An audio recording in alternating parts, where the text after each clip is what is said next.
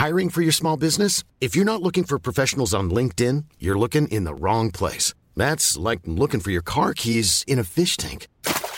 LinkedIn helps you hire professionals you can't find anywhere else, even those who aren't actively searching for a new job but might be open to the perfect role. In a given month, over 70% of LinkedIn users don't even visit other leading job sites. So start looking in the right place. With LinkedIn, you can hire professionals like a professional. Post your free job on linkedin.com slash people today.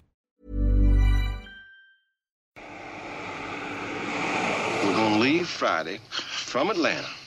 I'm going to have you back in your little suburban house in time to see the football game on Sunday afternoon. I know you'll be you'll be back in time to see the pom pom girls at halftime because I know that's all you care about. Look, look, I don't look, mind. I'm I on, don't- and I'm on thank you. I don't. I don't You are gonna thank I'm me. gonna thank you. You are gonna. Hej, det här är Claudia och du lyssnar på Skräckfilmscirkeln. Välkommen till Skräckfilmscirkeln, eh, avsnitt eh, nummer 14. Och idag ska vi ut på en eh, tur i lantlig miljö med trevliga lantisar som hälsar oss och spelar musik med oss. Nej, jag ljuger. Lantisarna är egentligen spritt språngande galna och jagar efter oss med hagelbössor och säger åt oss att skrika som grisar. Och självklart då, vi, vi försöker förklara, försvara oss med våra gitarrer. Nu är det ju så att jag vet hur det är att vara lantis eftersom jag är det själv då. Men eh, hur ofta drabbas du av dem? Jag har sett drabbas av det. Hur många gånger jag måste skrika som en gris. Ja, precis. jag, jag kan inte påstå att det har hänt allt för många gånger. Det är när jag varit ute på landet. Och jag är ändå så född och uppvuxen väldigt mycket på landet. Klappa grisar och eh, allt vad vi än har gjort. Men eh, jag, jag har klappat grisar men inte skrikit som en gris någon gång. Vi kanske ska säga att eh, jag, jag som då börjar prata heter Patrik. Och med mig så har jag den rysslige skräckfilmsvärden Fredrik Rosengren. Jajamän. Japp, vi är här båda, båda två. Mhm. Eh, hur har eh, din, eh, dina veckor varit sedan vi pratade sist? Ja, men den har varit helt okej. Har- det har verkligen inte hänt något. Jag har lite efterdyningarna utav min öroninflammation. här, Så jag har gått omkring med vätska bakom öronen så jag hör väl typ bara varannat ord folk säger. Det, det har varit väldigt bekvämt ändå. Du har, du har lugn, lugn och ro. Om inte ja, annat. slippa höra all skit som florerar. Ja, eh, jag tänkte att eh, vi som vanligt kunde prata lite om vad vi har tittat på sen vi pratade senast då. Eh, har du sett något intressant? Jag har jag plöjt lite i alla fall. Haft lite så nostalgitripp bakåt i tiden. Jag såg om Ghost Story. Från, den är från 1981 här. Ja, jag införskaffade den eh, inför ett avsnitt till skräckfilmscirkeln då vi skulle ha just något ett nytt tema om tema spöken och så stod den här eventuellt med på listan. Och så vart det inte den, men den fick hamna till min samling. Och det är någon filmatisering av en novell av han Peter Straub. Jag har inte läst något av Peter Straub, men jag vet att Peter Straub har samarbetat med Stephen King. De Okej. skrev, de skrev den här Talismanen tillsammans. Ah, Eh, det är ri- riktigt bra böcker de två. Och Den ska väl bli film här, eller om den ska bli tv-serie tyckte jag läste en artikel här lite tidigare i veckan.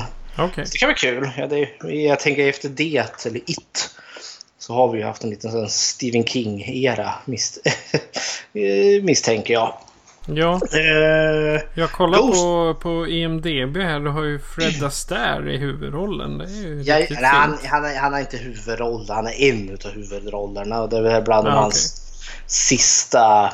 Eh, vad heter det? Jag vet inte om det är hans sista film, men bland de sista som han gjorde. Plotten är i alla fall att det börjar med inleds med någon kar som har något, eh, haft något fantastiskt sexuellt möte här då med någon uh, ung vacker kvinna där. Uh, alltså kommer, de kommer upp ur sängen men man får, man får inte se henne, hon försvinner ut ur bilden. Och sen är det plötsligt bara som att uh, kameran typ rusar mot honom och han ser någonting som, som vi inte får se. Som väcker alldeles skräckinjagande han skriker. Och så backar han ut genom fönstret. Då oturligt nog så är de ju på en skyskrapa så han faller ju till sin död. Eh, och då eh, får vi ta vid sen med, med brodern. Han har tydligen en tvillingbror. Det är samma skådespelare som spelar båda de här rollerna. Eh, och så får han, eh, de ska väl lösa något arv där då. Eh, och få återvända hem till någon eh, hemstad tydligen. Eh, och där träffar då han då ett gäng fyra äldre farbröder varav en av dem är Fred Astaire. Och det visar sig att det finns något lite mörkt och lite förflutet för de här fyra gubbarna håller någonting hemligt. Eh, och så börjar det hända lite spö spökliga och lite kusliga saker. Och det finns lite kanske något som de har försökt dölja i sin, eh, i sin ungdom här nu som då kommer tillbaka. Mm, så ja, det, det, den var helt, helt okej, okay, helt, under, helt okej underhållande. Okej, okay, jag kan tänka mig det. Jag måste veta att jag hade inte hört talats om den förr. Innan jag liksom for runt och letade lite efter liksom trevliga spökfilmer och sen just Ghost Story. Jag kunde liksom inte hitta men hade man haft någon svensk hyrvideo eh, succé eller inte. För jag kan inte påstå att jag i min ungdom har liksom sprungit på den här när hyrvideobutikerna fortfarande fanns. Det hette gengångare i svenska Gengångaren, jaha se där. Det kanske är, det, det är därför man inte har hittat något intresse för den. För jag menar gengångare det låter ju mera som ja, typ Slenderman-gubbar som slimar sig fram liksom. ja men det, det, var en rolig överraskning som jag upptäckte för några år sedan. Liksom en riktigt en härlig tidig 80-talsskräckis. Ja. Så jag tittade om igen och den var fortfarande minst lika underhållande. Ja men vad bra. Jag ser, kolla på EMDB att uh, Stephen King använder den tydligen som lite inspiration till um, Rosemary's Baby. Jaha, se där. Ja, det... den... Vadå, till Rosemary's Baby? Det är ju Rosemary's Baby, det är ju, nu måste du blanda ihop, det är ju Roman Polanski. Ja, det är det ja. Ja, den, är gjord, den är gjord typ 68. ja, det var, så, det, det, det, var så konstigt språk då. Det, jag ska läsa igen. Mm -hmm. Det är Stephen King som beskriver Ghost Story som den bästa boken sedan The Other, The Exorcist och Rosemary's Baby. Ja, ja, nu är det så. Nu, är, jag, jag som läser eh, något helt eh, fel. Don't listen to me. Mm -hmm. Jag har, på tal om Stephen King, den andra filmen jag har sett är Cat's Eye, Kattens ögon. Underbar. Och det är ju då en antologi film då, med tre korta berättelser av just Stephen King. Där typ, eh, ja, ramberättelsen är då just en katt som råkar befinna sig i de här tre olika berättelserna. Och den här katten spelar väl en väldigt avgörande roll i framförallt den sista berättelsen. Hade du sett Cat, Cat's Eye? Jag, har, jag tror det. Uh, ja. Men det, det, är kul att han, har, att han tar in uh, Drew Barrymore igen. Ja, stackars Drew Barrymore här innan hon, innan hon liksom försvann i drogernas värld här. Eller ja, som många så här, barnskådespelare tenderar de ju ibland att överanvändas något så vansinnigt och Drew Barrymore var väl inget undantag. Jag tänker den här är gjord 84 och jag menar E.T. kom väl 82. Och det var väl hennes stora eh, break. Ja, och sen har du ju Firestarter som också kommer 84 med Drew Barrymore. Kära värld. Ja, jag sak samma. Men Cats är väldigt underhållande. För det är liksom om tre korta berättelser. En om det James Wood har huvudrollen.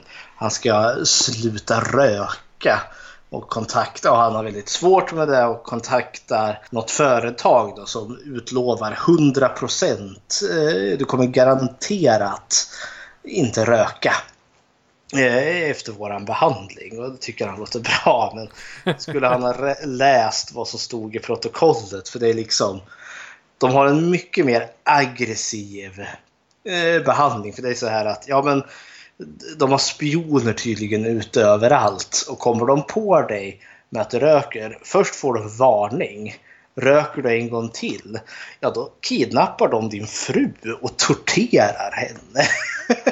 och liksom sådär, herregud vad hände här? Det bara eskalerar. Och då blir det där liksom, ja, vad är viktigast för honom? Är det hans cigaretter eller är det familjen? Och vad är det för vidriga människor han har kommit i kontakt med? det låter, ja men alltså egentligen det är ju, det låter lite typiskt King. Mm -hmm. Jag menar som, eh, som det här talismanen och det. Jag menar de hoppar mellan dimensioner.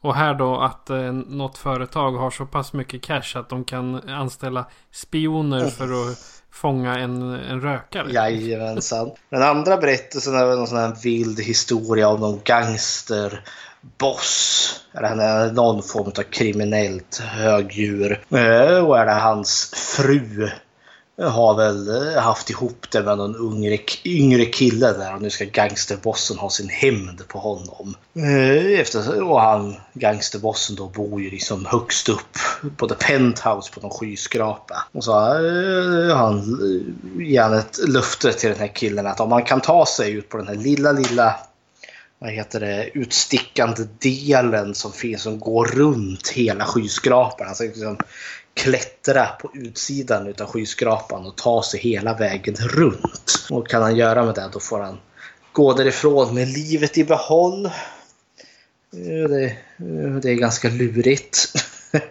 Mm. Och den sista berättelsen är den vildaste. Då Drew Barrymore dyker upp. Som då är en liten flicka där som blir ansatt av något elakt litet troll. Som dyker upp varje natt och försöker typ ja, stjäla hennes andedräkt eller han typ suger livet ur henne när hon ligger och sover. Och det är då katten får komma in där och spela en viktig roll.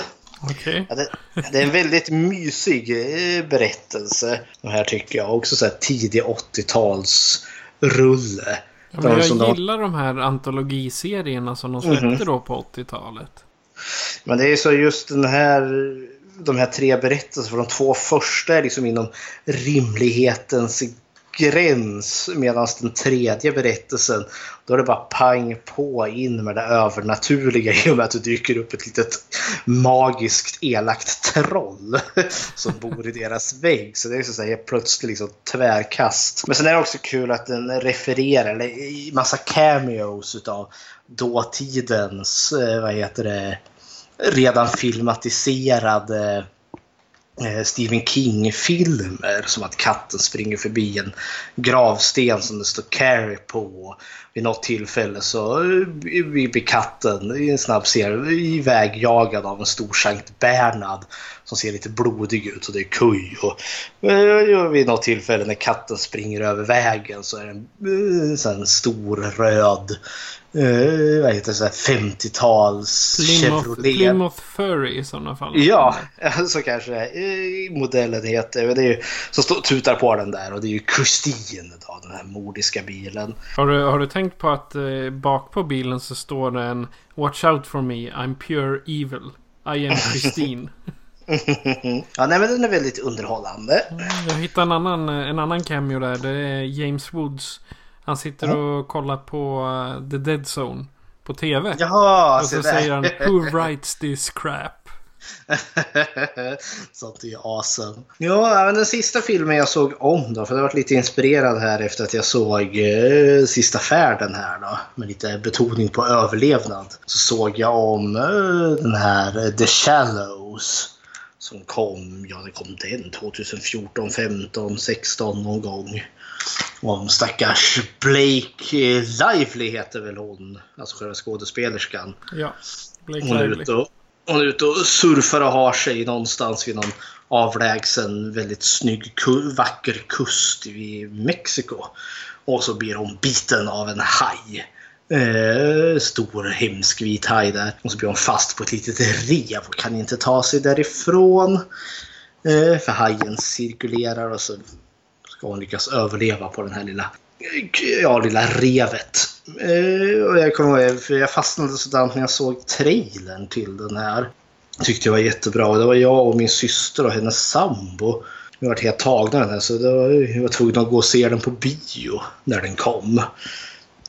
Jag tyckte den var så bra så jag var tvungen att införskaffa mig den och sen eh, har jag sett om den några gånger och nu kände jag nu fick jag en bra ursäkt att se den igen. Så jag har sett den igen.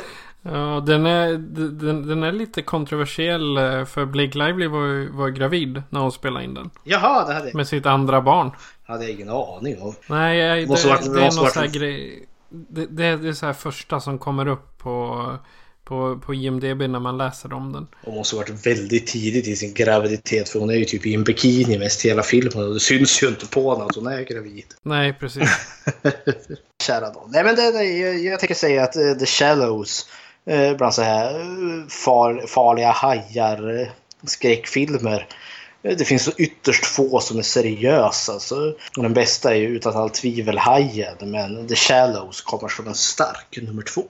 Okej. Det är vad jag har sett. Yes, jag har haft, precis som tidigare veckor, har jag haft jättemycket att göra. Vi håller på att flytta nämligen. Eh, Så jag har bara hunnit titta på några få saker. Och då tittade jag på Wrong Turn från 2003. Där eh, Elisa Dushku och Desmond Harrington krockar med varandra och eh, landar till slut mitt ibland mordiska kannibaler ute i skogen. Det, den, är, den är rätt underhållande. Typ som vilken slasherfilm som helst. Alltså, ganska blodig som jag kommer ihåg. Ja, den är väldigt, väldigt plaskig. Jag har någon sån här unrated version. Så att allt blod som finns, det liksom... Det kommer. Och han är med i... i eh, ja, det är bland de första scenerna man träffar kannibalerna liksom. Då ser man, de ligger och gömmer sig under ett bord. Och kannibalen står och slapp, slapp, slapp. Hugger upp en av deras kompisar liksom. Jag, alltså jag, när jag kollade på den så trodde jag att det var en remake. Jaha. Först för, av någon 70-80-talsfilm. Men tji fick jag, det fanns ingen. Det fanns ingen wrong turn från 70-talet. Nej, precis. Det fanns ingen gammal. Men sen, jag tror det är sju uppföljare till Ja, den. alltså det är helt vad. Det har ju blivit en franchise och det är också en sån där...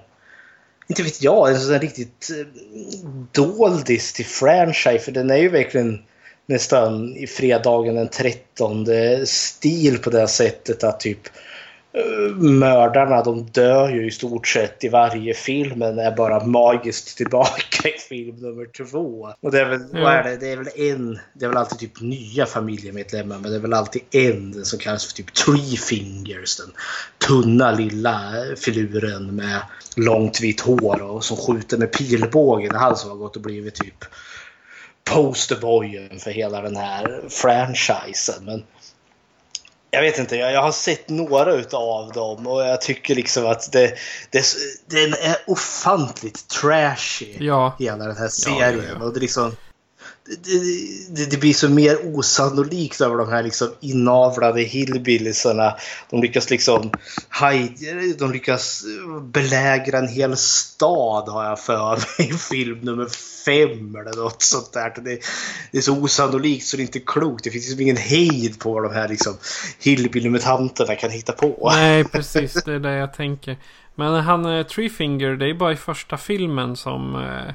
Som det är en... Alltså jag, jag tror att de byter honom i varje film. Ja, jo, men det är ungefär som Jason i Fredagen den 13. Det är en ny karaktär som spelar. Men det är liksom blir ju sådär. Den karaktären tenderar alltid att dyka upp i samtliga wrong turn. Exakt. Så, så dör han i... Och jag vet att han dör i de flesta i alla fall. Jag vet att i tvåan så blåser de ju typ hela bröstkorgen ur honom med så dubbelpipigt hagelgevär. Så han bara står och dör. Men han är ett monster. Han kan inte dö.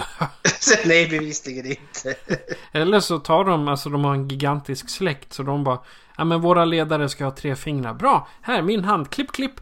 Så, nu har vi en trefingerledare. Eller så var det så att hon födde, eh, inte tvillingar, vad heter det, kvadruplets eller en quintess. Sexlingar. Sexlingar. Så det är liksom identiska tvillingbröder. Det är det enda vi kan få för att få den här historien att gå ihop. Ja, hon, ehm, vad heter hon? Elisha Dushku, hon gick ju vidare med en hel del efter. Mhm. Eh, True Calling fick egen serie, hon var med i Torchwood. Mhm. Uh, jä, jäkla massa tv-serier. Hon hade huvudrollen i Catwoman, Jo. video. Vilka, alltså, nej, det, det, nej det, var, det var tecknad. Hon skötte rösten. Jag tänkte det. Eh, och, ja, hon, ja, hon var ju med i Buffy också. Som eh, den här den andra eh, Slayen, eh, Fate. Ja, alltså det är... Buffy dör ju, dör ju ett varv. Och så en annan eh, Vampire Slayer aktiveras. Mhm.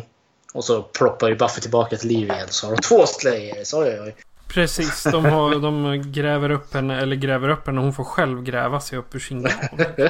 Ja. Coolt. An, annars har jag mest eh, kollat på serier. Eller ja, re- rättare sagt jag har sovit till dem. Okej. Så så har det varit.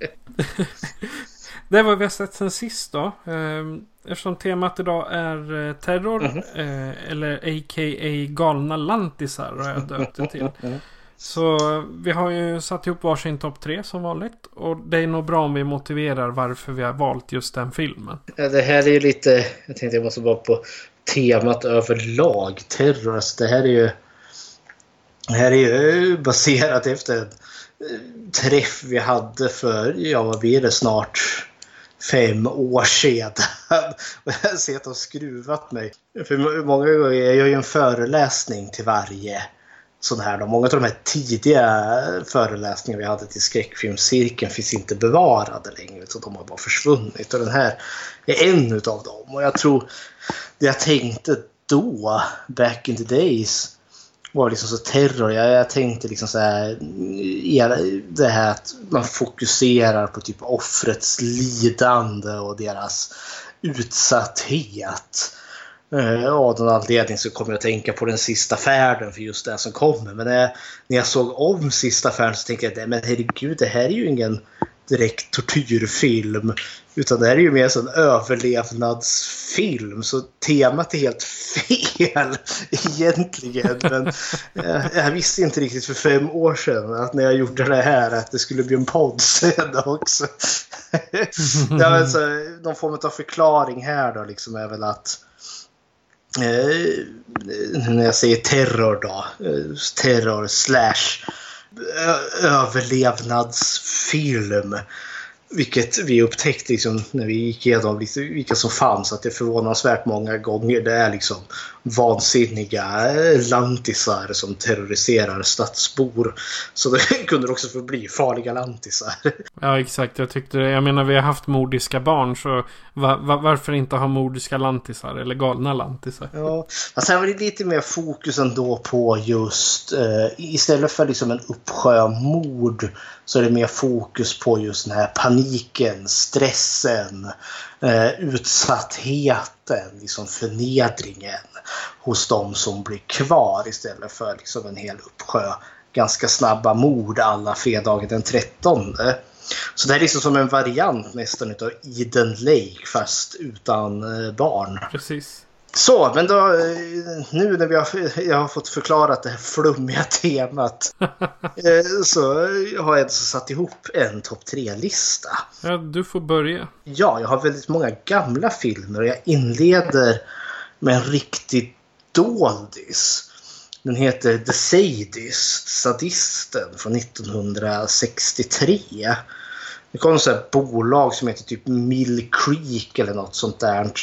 De gav ut, eller de ger väl fortfarande ut så här stora DVD boxar där du får typ 50 filmer för typ 200 kronor. Och det är så här rejält, eh, alltså de har ju bara tagit ett rejält spadtag ur den här högen utav filmer som inte längre har någon upphovshetsrätt. Så du liksom kan liksom lansera dem vidare. Så de, alltså, de har i stort sett grävt eh, absolut djupast i, eh, i andra sorteringen.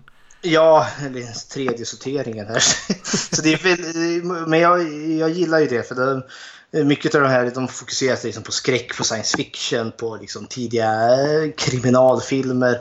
Och det vart ju väldigt mycket filmer från just liksom eh, 30, 40, 50, 60. Och det gillar jag. Men, och mycket av dem var ju liksom är ju bara skräp. Men i en sån här då fanns då den här The Sadist eh, Eh, när jag plöjde igenom och den var förvånansvärt bra. Och jag var så förvånad över hur tidigt, ja, i och med att den är gjord 63, vilka ämnen den tar upp. Plotten i The Sadist då är att vi följer ett par, ett ja, ungt skulle jag väl inte påstå att de är. De är väl kanske i typ 30-35 års åldern, en man och en kvinna. Och sen en äldre vän till dem, någon man i kanske 50 års åldern.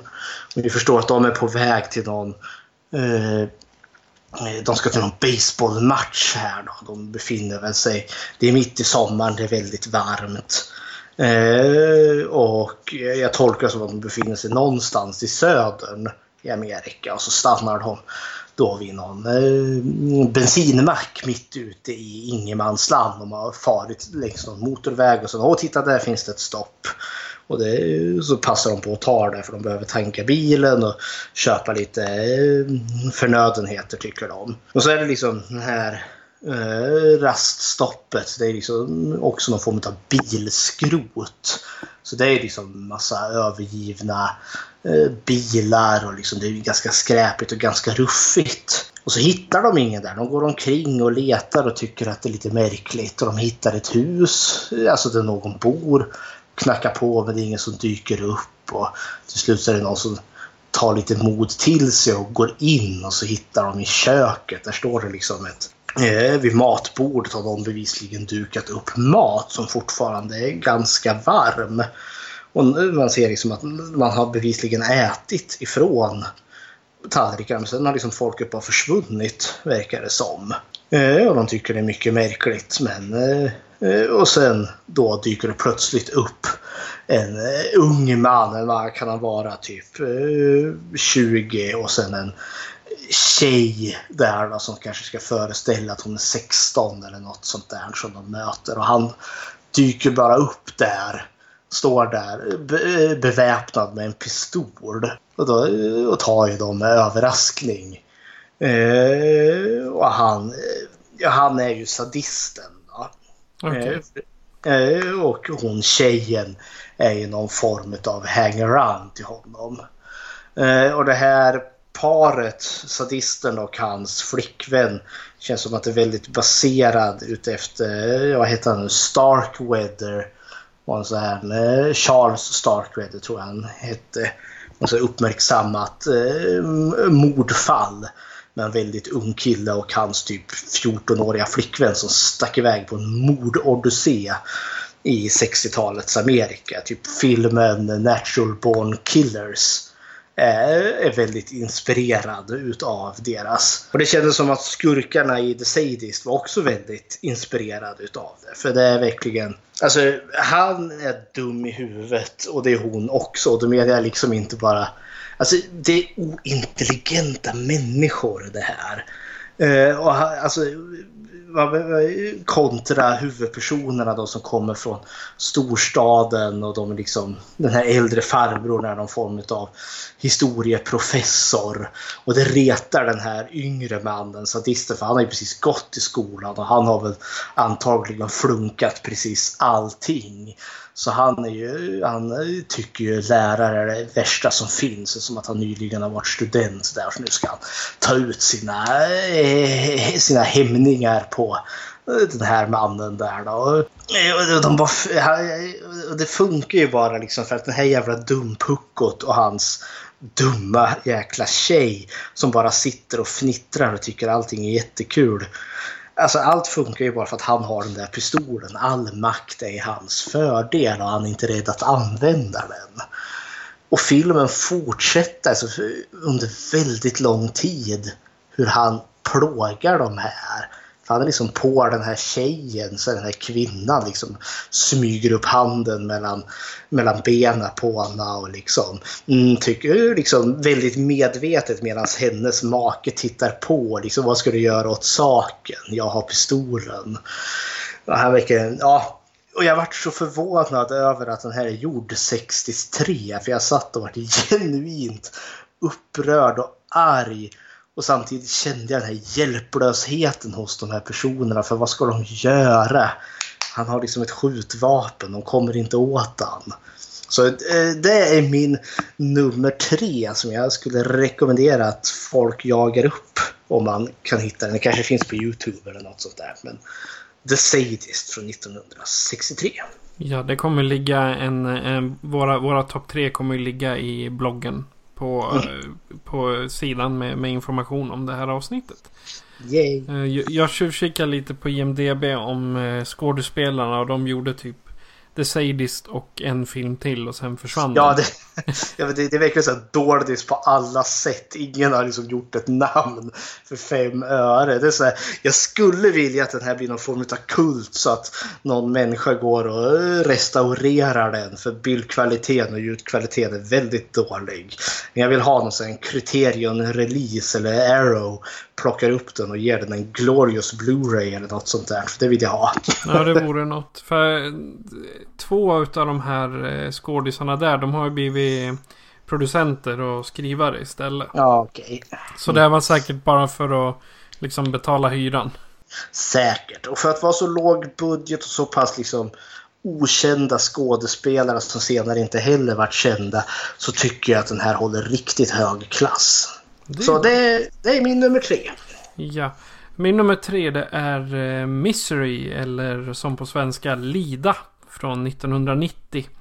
Och där har vi Katie Bates som spelar Anne Wilkes. En kvinna som är besatt av en eh, bokkaraktär som heter just Misery. Mm. Hon eh, kidnappar författaren som precis har bestämt sig för att avsluta bokserien. Mhm. Och, men hon vill ju ha mera utav Misery. Så då tvingar hon honom att skriva om slutet helt enkelt. Ja, han ska skriva om en hel bok till henne va? Ja, han, eh, hon tycker att han ska skriva en helt ny bok där Mhm. eh, hon egentligen inte dör. Mhm. Och så här då så hon tar honom till sitt hus mitt i ingenstans. Och eh, jag anser att det är en eh, riktig lantis. För hon bor verkligen ingenstans. Och så tar hon dit honom. Oj, du är så skadad och nu måste du skriva en ny bok för annars så dödar jag dig. Och sen, men, eh, men kvinnor brukade dö i barnsäng och, och sen jag vet att hon hugger ju fötterna eller hon kör hobbling tror jag det kallades. Mhm. När eh, personer inte ville jobba i, eh, i gruvorna. Så högg man av dem fötterna helt enkelt. Eller bröt bena på dem. Mhm. Och det, det är där, därav de korta hobbitarna typ. Ja, det, det, men det är ju den vidrigaste scenen i hela den filmen. De bryter hans fötter med, med släggan där. Ja, bara Det- för att han eh, sätter sig lite emot. Nej, han har ju varit uppe. Alltså, är det ju. Han har ju varit ute ur rummet när hon har varit borta. Hon upptäckte ju det eftersom att hans vad är det, hennes porslinspingviner står åt fel håll. Han stöter ju till ett bord. Ja, just Så det. ställer han ju tillbaka dem. Och när hon kommer tillbaka så upptäcker hon att pingvinernas näbbar pekar åt fel håll. Och då har hon förstått att han har varit ute ur rummet. Ja, Lida är i alla fall min eh, nummer tre. Mhm. Ja, vad är din nummer två? Min nummer två är The, the Ri- Rituals, ri- ritualerna. Eh, också så en liten sån dårdisrulle från 1977 där då, som många brukar eh, benämna liksom bara en eh, blek kopia på just Sista färden som kom 72. Men jag tycker den är stark. Det är en kanadensisk film då eh, och det handlar om, jag tror det är fyra eller fem läkare, lite medelålders män där då, som har lyckats ganska väl i karriären och så beger de sig ut och ska hajka i, i de kanadensiska bergen, vilket jag förstår att det är något de gör varje år. Eh, liksom testa på något nytt, komma ifrån familjen och karriären här på semestern. Ja, det är något som de har gjort väldigt länge. Men just den här gången så har de otur för det är någon i skogen liksom har lagt märke till att de finns där och tycker inte om att de ska vara där. Eh, för det, liksom, det- börjar smått och så eskalerar det och slutar i vansinne. Det börjar med att de hittar liksom ett djurkadaver som någon har liksom tryckt upp på en, eh, på en, på en, på, på en trägren någonstans. Och så nästa kväll så upptäcker de att någon har varit inne i deras läger under natten och tagit alla deras skor, deras kängor. Och de är ju mitt ute i vildmarken. Så de måste gå barfota på liksom all vass terräng. Eh, och liksom de har oddsen emot sig. De, de är liksom, de är liksom amatör, glada amatörer som ska ut och hajka i skogen. Och någon håller successivt på att ta all deras redskap ifrån dem. Det är det jag gillar med det, för det är, liksom, det är inte så att han kommer, den här mannen som förföljer dem, att han kommer farande med kniven i högsta hugg och knivar ihjäl dem. Utan den här mannen låter helt enkelt naturen eh, liksom tära ner de här eh, männen. Alltså han, han hjälper naturen Genom att, sabba liksom deras bekvämligheter. Ja, den liksom, naturen i sig blir ju liksom det stora hotet för liksom, hur ska de klara sig? Visst, han sätter ju fällor också. Han sätter ut sig björnsaxar. Och det är någon stackare som kliver i en sån. Så han, aj, aj, aj. han, han bryter ju benet där så måste de ju släpa på honom. Ja, liksom, var ska vi, ska vi bära med honom eller ska vi liksom lämna honom? Men då släpar de med honom och då tär det ju ännu mer på krafterna Liksom den här mannen liksom successivt nöter ner de här männen innan han sl slutligen beger sig in för, ja, for, for the kill så att säga. Ja, men det, jag, jag gillar den här, det är en riktig så slow burn till film. Och vi får liksom inte, vem är det som smyger på dem? Varför? De vet ju inte ens själva, har de gjort något fel? Vad, vad är det?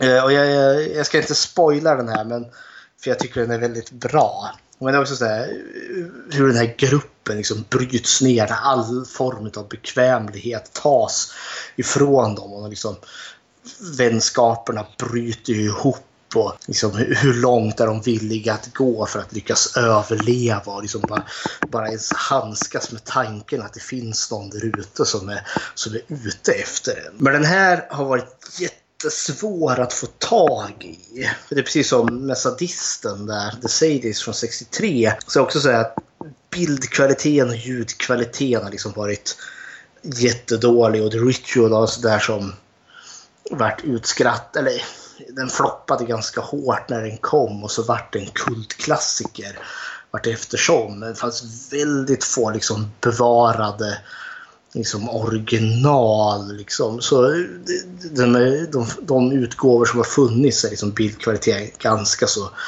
usel och jag fick spendera jättedyra pengar på att få fatt i den då bästa utgåvan som Code Red gav ut.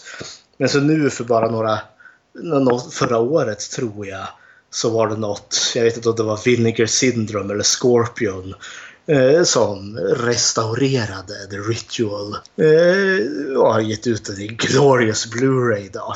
Men, Fantastiskt. men bara i Amerika. Så, jag, så den är ju region A-kodad. Så jag måste få tag i en regionsfri Blu-ray-spelare innan jag kan slutligen få se den i sin eh, fantastiska helhet som den är, som den är värd att se i. Annars får du, får du importera en eh, Blu-ray-spelare ifrån eh, USA. Det är nog billigare än att köpa en regionsfri. Säkert. Nåväl, nå. Det är min nummer två. Ja. Min nummer två det är Population 436. Mm -hmm. Och det är alltså en... Den är, den är också rätt bortglömd eh, filmen. För den fick inte någon direkt stor, stort genomslag på bio eller så. Okay. Utan jag tror att den är spelad direkt för DVD. Eller direkt till video, direkt till TV någon form. Och då är det alltså en man från eh, någon form av eh, myndighet som har hand om eh, så här population control. Alltså mm vad ska man säga? Typ folkbokföringen kan man ja. väl kalla det. Och där eh, David Ames heter han som är huvudrollsinnehavaren. Han kommer till en eh, liten stad mitt ute i ingenstans. Det framgår liksom inte exakt eh, om va, vad staden heter. Um, jag måste titta dubbelt här. Rockwell Falls heter mm -hmm. staden då. Och det är ju en liten, liten by. Och han är, han är där då för att undersöka varför har de alltid varit 436 invånare?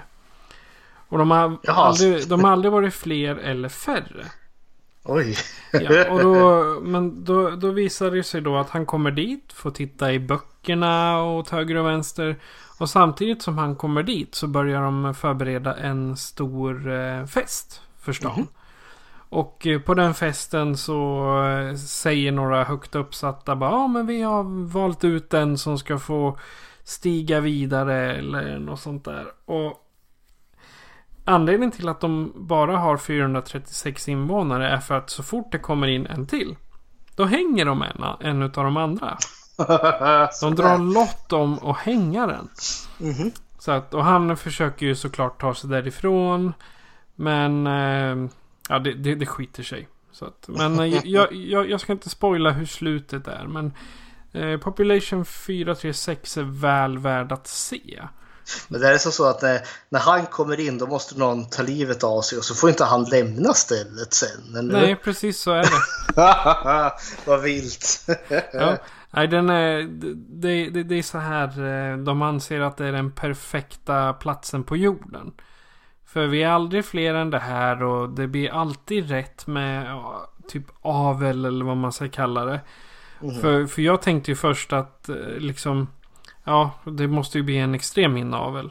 Men eh, Ja, om det då är så att de hänger en person så fort det kommer någon annan. Då bara, ja men okej det kan ju funka. Så du har en tagline på den. The residents of Rockwell Falls are dying for you to visit. Såklart. Ja. Yes, ja men det är min nummer två. Mhm.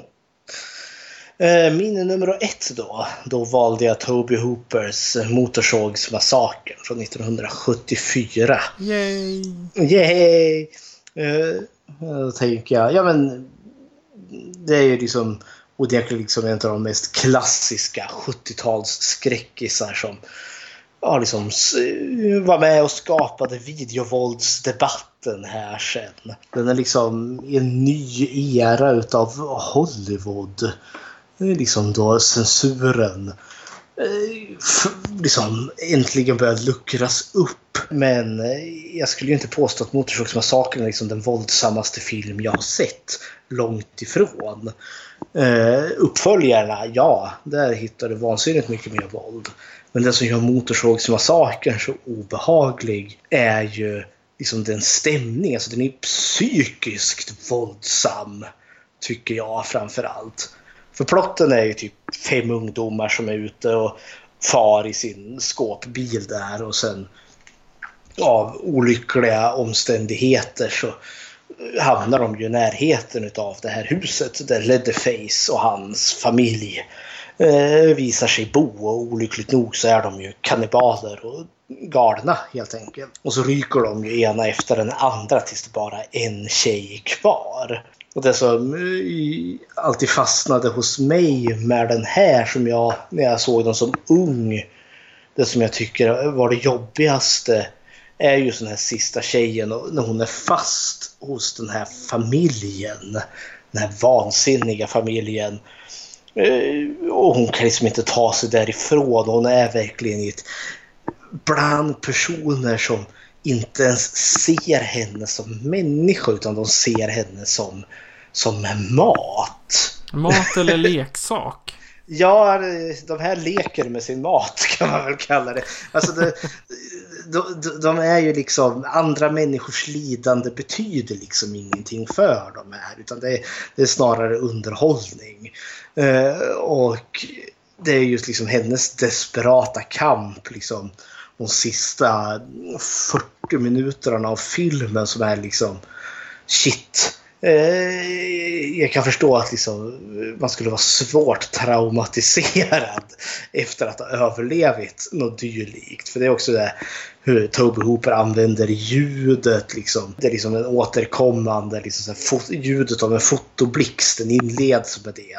Eh, och det, liksom, det kommer åter liksom, närmare slutet där. Och det är mycket inzoomning på hennes ögon. Och liksom, hon hon bara skriker och skriker och filmen liksom håller sig plågsamt länge. Med bara hennes liksom plågade skrik. Eh, så ja. Eh, det är min nummer ett där liksom. Med då någon form av sammanblandning av hur du kan bli torterad och plågad och så lyckas överleva detta. För jag tycker Motorsågsmassakern, åtminstone den första, lyckas skapa den här bilden av den här förfärliga platsen och stället som jag känner att åh oh, herregud, skulle jag komma hit, jag skulle bara behöva fly, fly, fly, fly, ta mig härifrån. Så det är, det är min numero, numero uno, får bli Motorsågsmassakern. Det är en av mina absoluta favoritfilmer. Mm -hmm. En, en, sak som, eh, som jag alltid har eh, tyckt är lite kul är att han, pappan i familjen är ju totalt vrickad. Alltså då menar jag sjuk i huvudet. Men i verkligheten så var han liksom som en stor nallebjörn. Mm. Ja. det, I en scen ska han ju slå henne med en träkäpp. Och, och liksom... Och hon sa till slut bara, men du får ta i när du slår. För stuntkvinnan alltså. Ja. Och liksom, men ta i när du slår, det ser inte riktigt ut. Och han bara, jag kan inte. jag, tror det, jag tror till och med och är det pappan i familjen är ju den där gamla, nej det är farfar, den här gamla gubben som sitter i stolen. För jag för mig att de är inte, det är tre bröder där. Ja just det, han, den är han, äldsta brodern den kanske jag tänker på. Då. Ja, jag, men, jag kom också under längsta tid så tänkte jag också att det där var farsan i familjen. Men så har jag förstått att de är bröder de här. Åtminstone som introduceras i, i första filmen. Sen familjedynamiken i alla andra uppföljare. Det är ju som att varje film är en remake eller reinvention. Ja.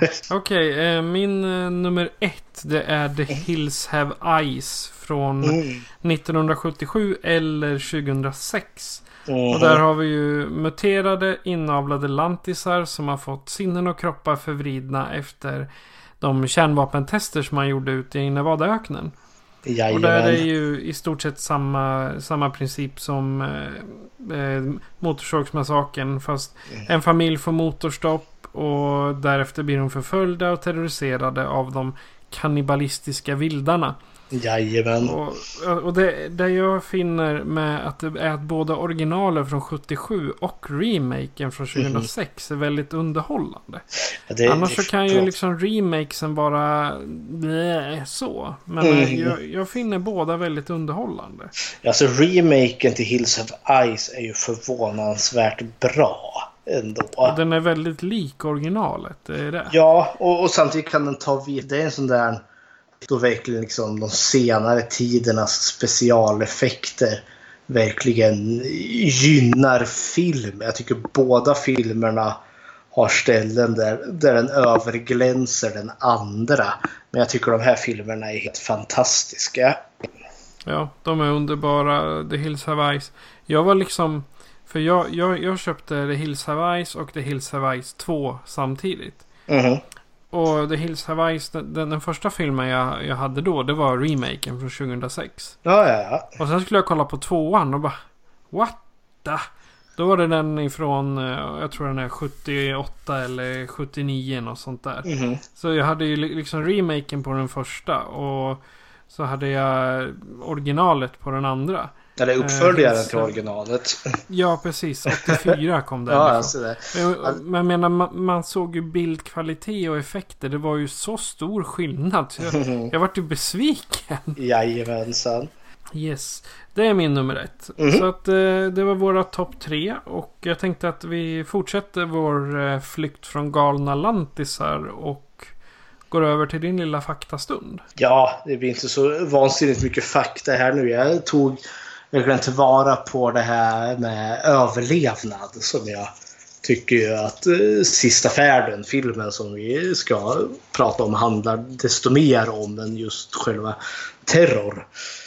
Eh, så jag valde liksom tre, eh, tre fall där, liksom där folk har verkligen fått kämpat för sin överlevnad. Så tre verkliga fall där som senare har gått och blivit film. Och då valde jag den här Eh, 127 timmar backcountry och live. Så tänkte jag gå igenom det lite snabbt. Börjar med den här 127 timmar. Det är bäst att kolla så att jag säger rätt här. Så, eh, jo, 127 timmar. Eh, den, den, filmen kom ju år 2010 med James Franco i huvudrollen. Men den verkliga historien är ju då utspelade sig 2003. Eh, och personen i fråga var ju en man, eller är en man som heter Aaron Lee Rolston. Eh, och han eh, gillade ju, eller gillar fortfarande, eh, han är en naturlivslevnadsmänniska eh, som gärna är ute och hajkar i skogen och klättrar i berg och eh, paddlar kanot och eh, allt vad han gör. Liksom det är hans stora hobby här. Så 2003 där när han har eh, sin semester då är han eh, ute i Utah eh, i något område som heter Blue John Canyon. Där han är ute och klättrar i eh, berget. Där då. Och han har ju med sig liksom eh, en GoPro-kamera eller ja, någon... Nej, GoPro fanns inte men en digital kamera i alla fall. Eh, och sin packsäck och så är han ute och klättrar och fejar och har sig.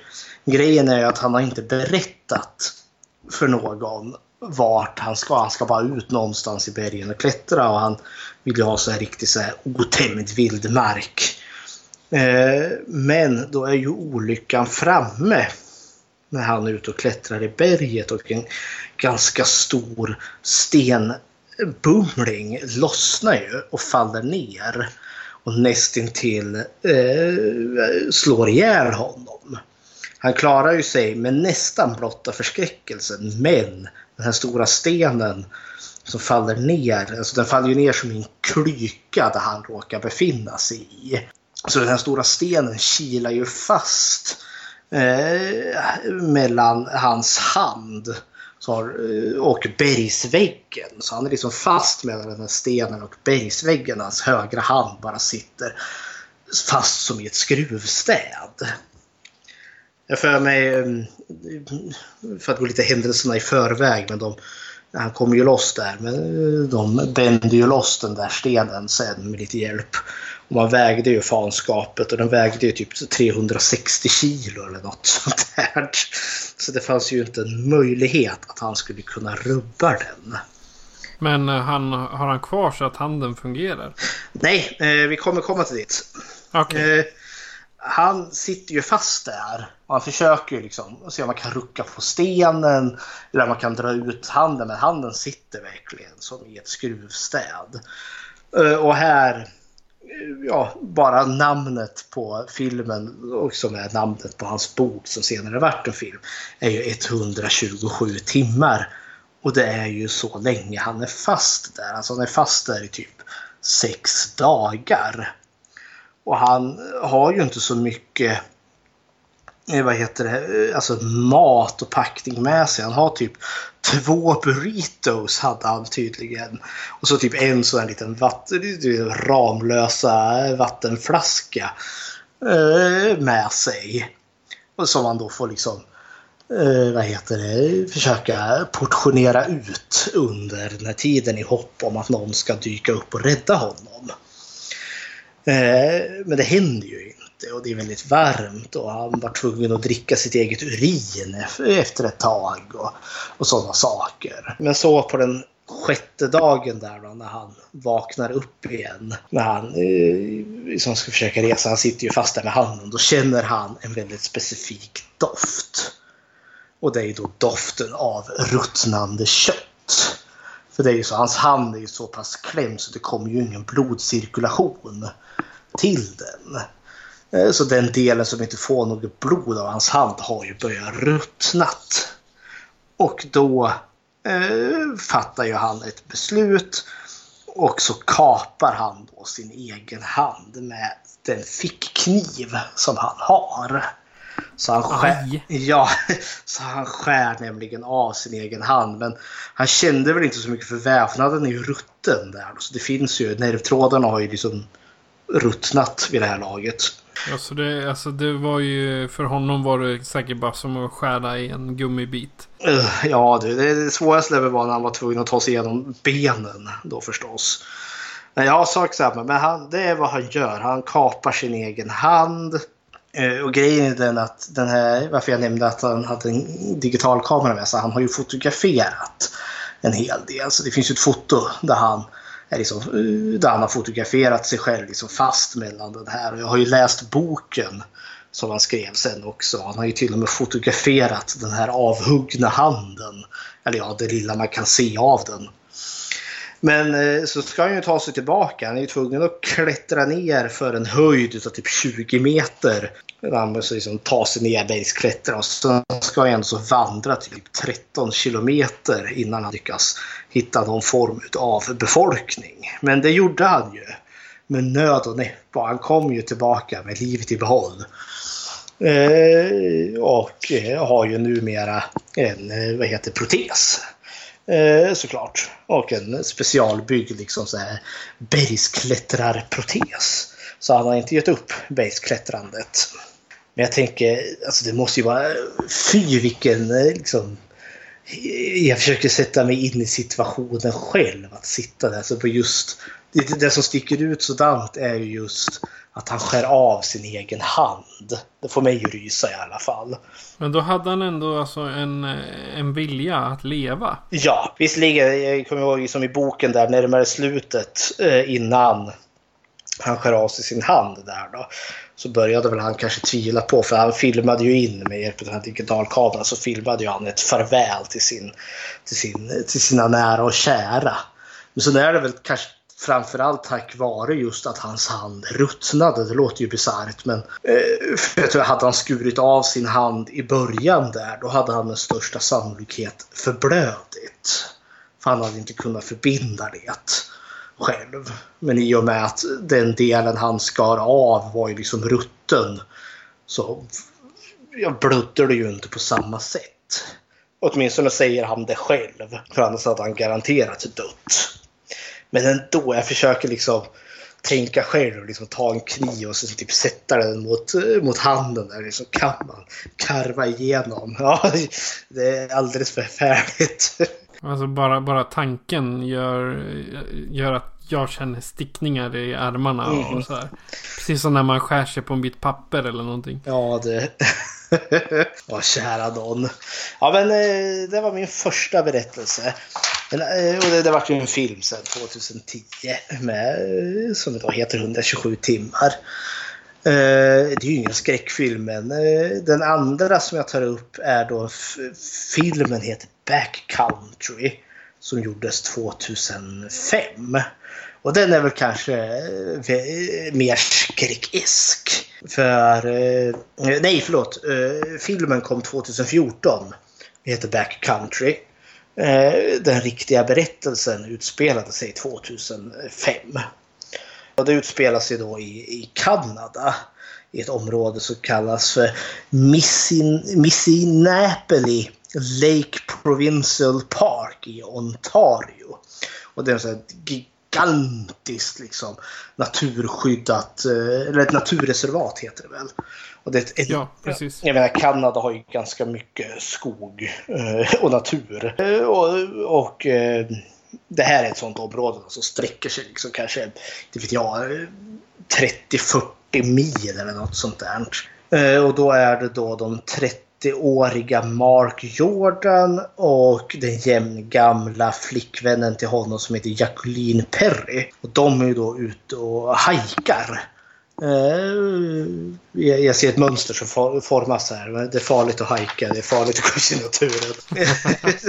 Man kan fastna mellan, trä, eller mellan stenar eller som det händer för det här paret. Eh, de är ute och hajkar, de har tagit två veckors semester där. Och de är ju vana hajkare så de är ute och campar och så har de kajak med sig. Så de pen, eh, alltså, eh, vad heter det, paddlar in ganska djupt in i, relativt djupt in i skogen. Så de är väl ungefär 10 kilometer in. Det är väl en mil i den här skogen. Uh, och det är ganska sent på sommaren, lite början på, på höst här. Uh, men så har de då den, en hemsk uh, otur vid ett tillfälle morgon där. Då, de, då, hon, då de kliver upp bara för att när de drar upp dragkedjan till tältet så råkar det stå en svartbjörn just i deras läger. Ouch.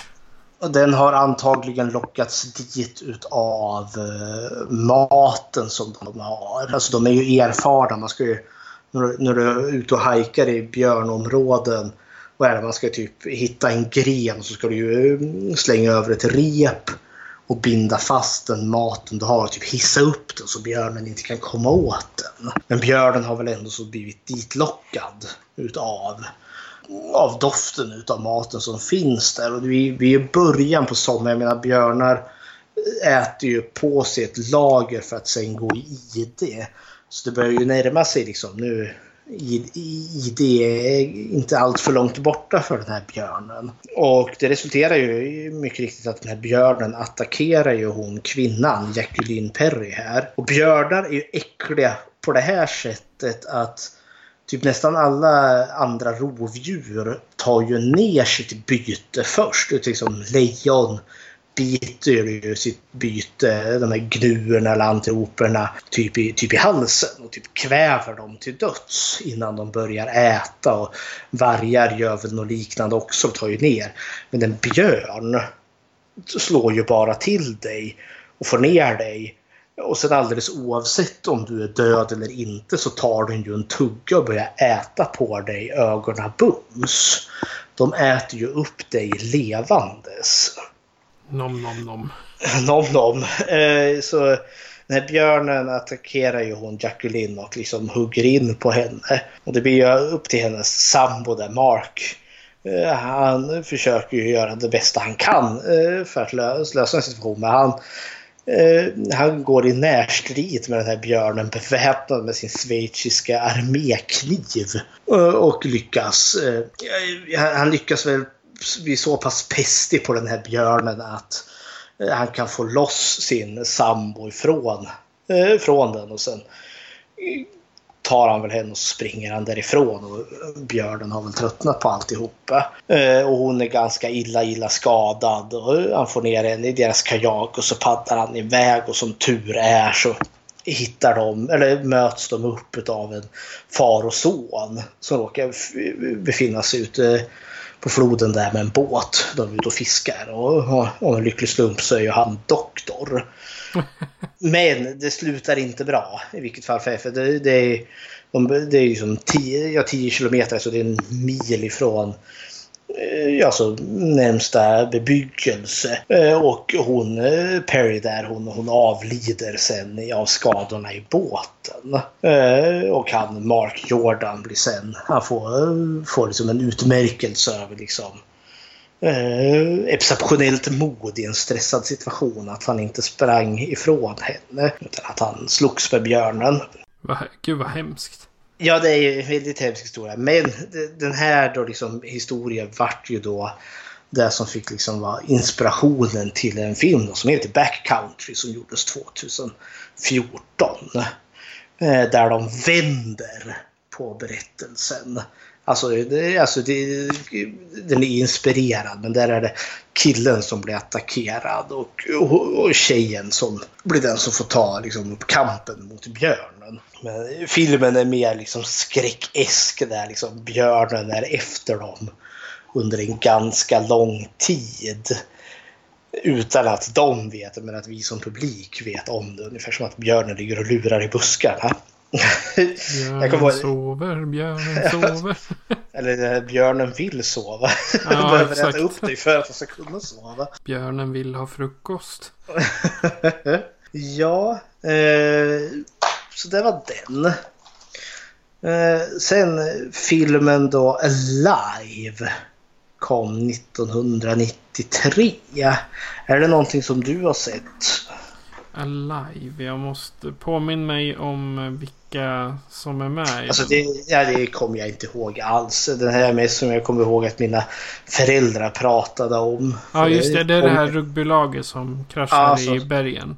Jajamensan. Alltså jag har sett den för eh, vad som känns hundra år sedan. Så att jag kommer inte ihåg särskilt mycket. Ja, jag har också extremt vaga minnen av det. Jag kommer ihåg att mina föräldrar pratade om den. Den gick väl på tv eller något sånt där. Det var väl kanske en, lite av en snackis när den kom. Men det här är ju då flygolyckan i Anderna 1972. Det också kallas för katastrofen i Anderna eller miraklet i Anderna. Eh, och då kan man ju, Anderna det är de bergskedja som typ ligger mellan Argentina och Chile.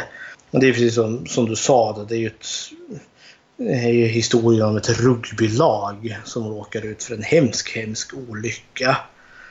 Och det är då ett rugbylag från Uruguay som då ska till Chiles huvudstad Sant, Santiago de Chile. Eller Chile. De ska spela en bortamatch där och det här är ju liksom deras typ elitlag. Alltså de, de, kämp, så de, de, de, de kämpar ju liksom på, eh, på toppeliten här. Så det är ju liksom ett specialchartrat plan för just det här eh, rugbylaget. Då. Och med på det här planet då så har de ju sina vänner och diverse olika familjemedlemmar. Eh, och olycksaligt nog, alltså det här planet flyger ju iväg fredagen den, den 13 oktober. Nej, vad... det, alltså det är ju lite filmiskt. Det är det hemskt, är men det är filmiskt. Men I de dokumentärer som dyker så de överlevare sa ju lite skämtsamt att ja, nu ska vi flyga på den mest otursamma dagen som, som finns. Vi lär ju säkert åka ut för en olycka. Och det var ju precis det som hände. Man vet inte riktigt varför eh, flygplanet eh, störtar men man vet ju att vädret vart markant sämre för de var ju tvungna att mellanlanda en liten stund i väntan på att, liksom att vädret skulle bli bättre. Så när de stack iväg så hade det väl inte blivit så mycket bättre. Men för att göra en lång historia kort, planet störtar ju i bergskedjorna där uppe i Anderna. Eh, och det är ett snöbetäckt landskap. Så det blir ju kallt där uppe. Eh, och som sagt, de försvinner då fredagen den 13 och eh, den 13 oktober. Men de kommer att hittas sen den 22 december.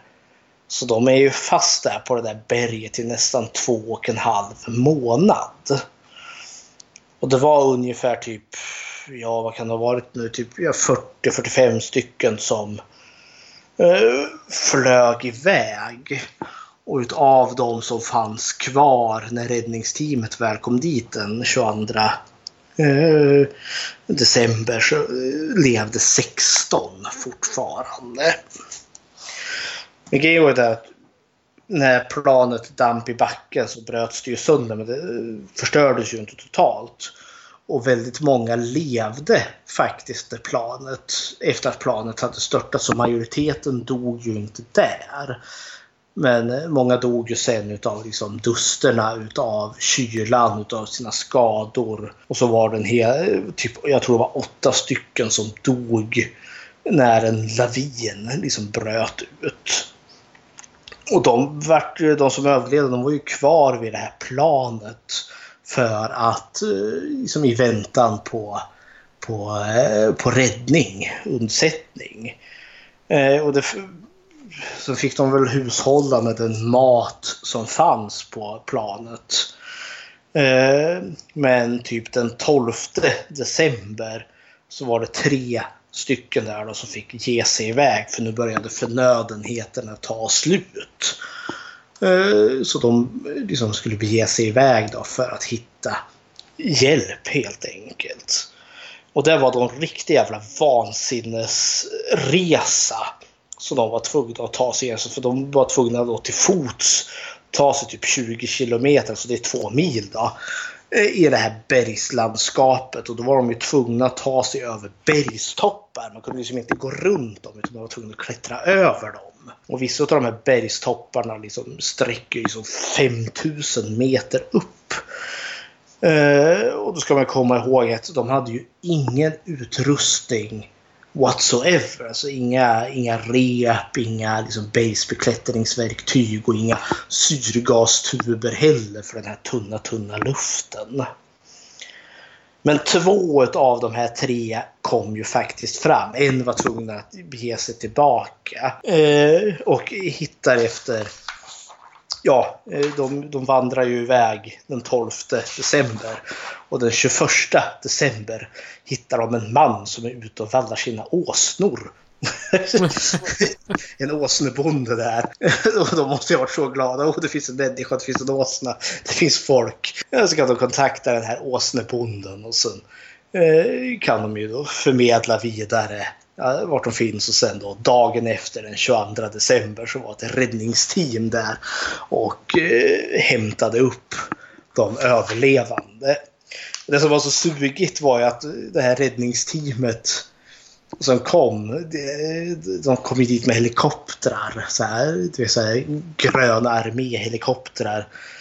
Eh, och eh, de fick inte med alla i ett enda svep. Så typ åtta stycken utav de här som hade överlevt fick spendera ytterligare en natt i det här flygvraket. Så, så kunde man hämta resten då, den 23.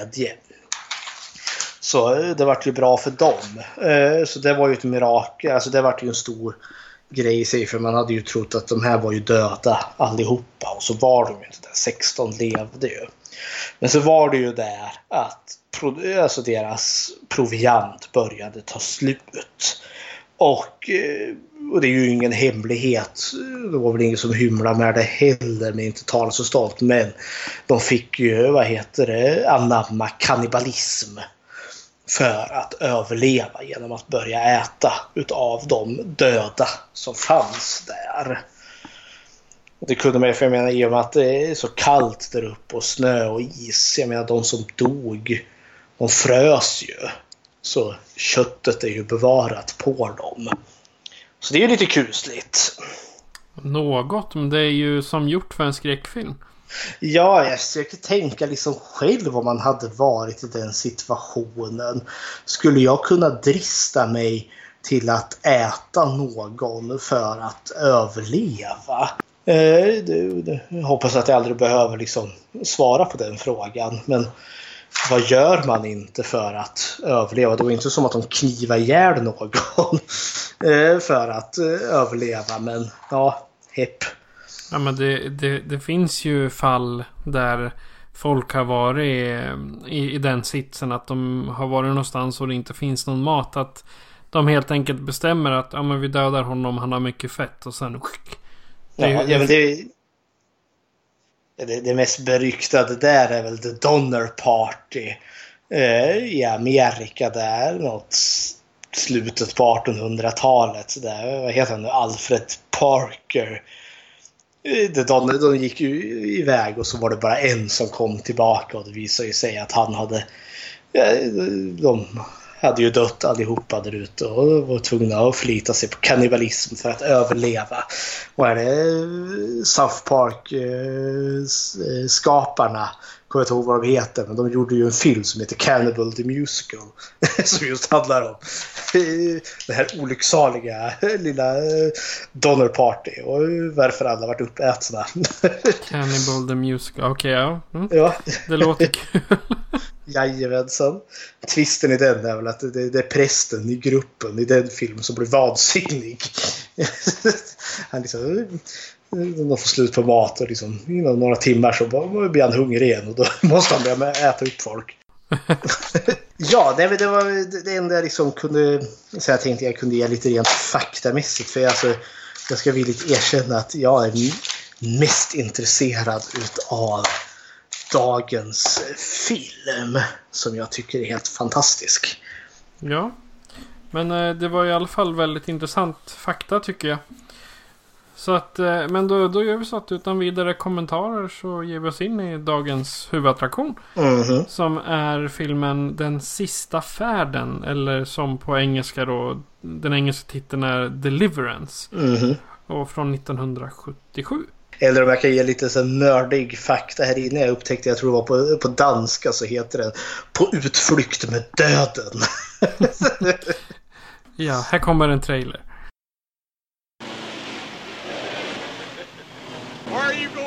Boy.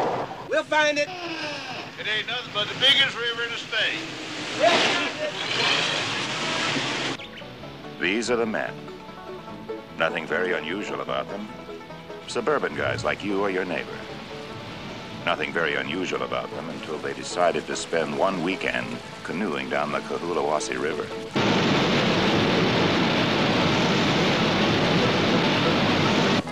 Ted Gentry. He runs an art service. Wife Martha has a boy, Dee. Lewis Medlock has real estate interests. Talks about resettling in New Zealand or Uruguay. Drew Ballinger. He's sales supervisor for a soft drink company. Bobby Tripp, bachelor, insurance and mutual funds. Where you going? All right, I'm looking. These are the men who decided not to play golf that weekend. Instead, they sought the river.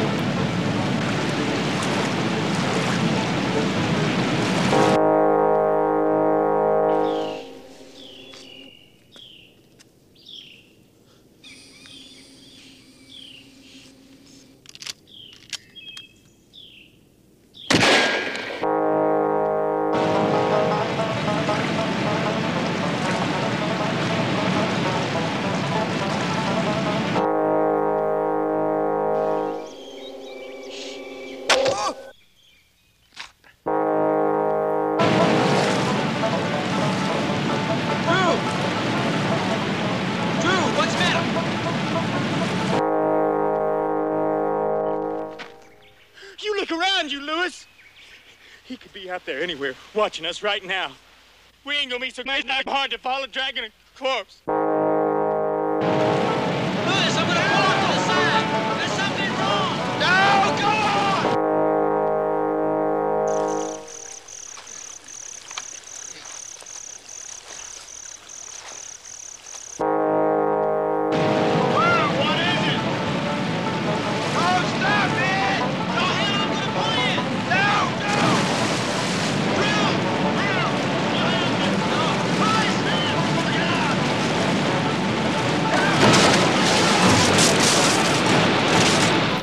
John Boorman's film of James Dickey's explosive best-selling novel.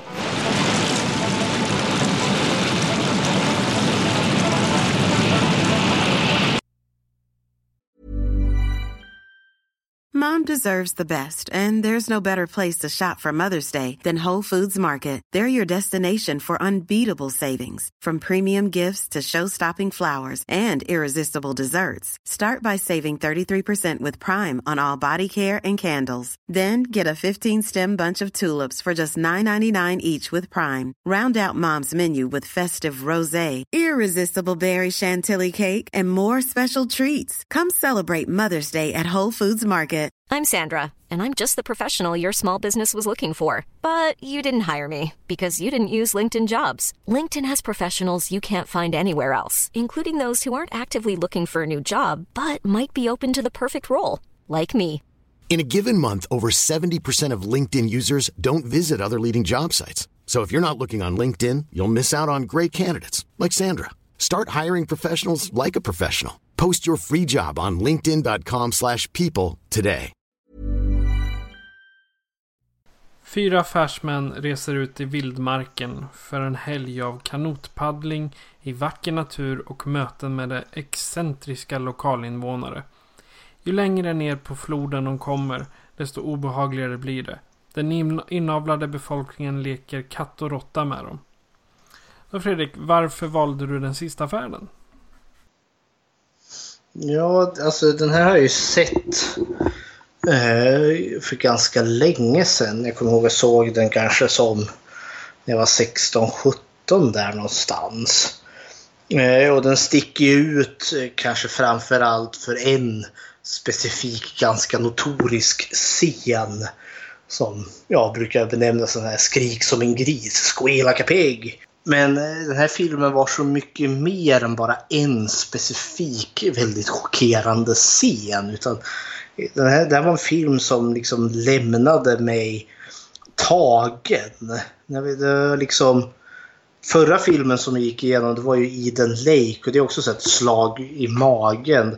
Och det är ju den här filmen också fast på ett annat sätt. Eden Lake gjorde ju mig liksom upprörd och arg medan den sista färden en sån där film som jag gärna återvänder till trots att den onekligen tar upp lite lätt kontroversiella ämnen med en film som Eden Lake. Ja, jag vill inte ens återvända till den inför vårat poddavsnitt. Jag var tvungen att göra det.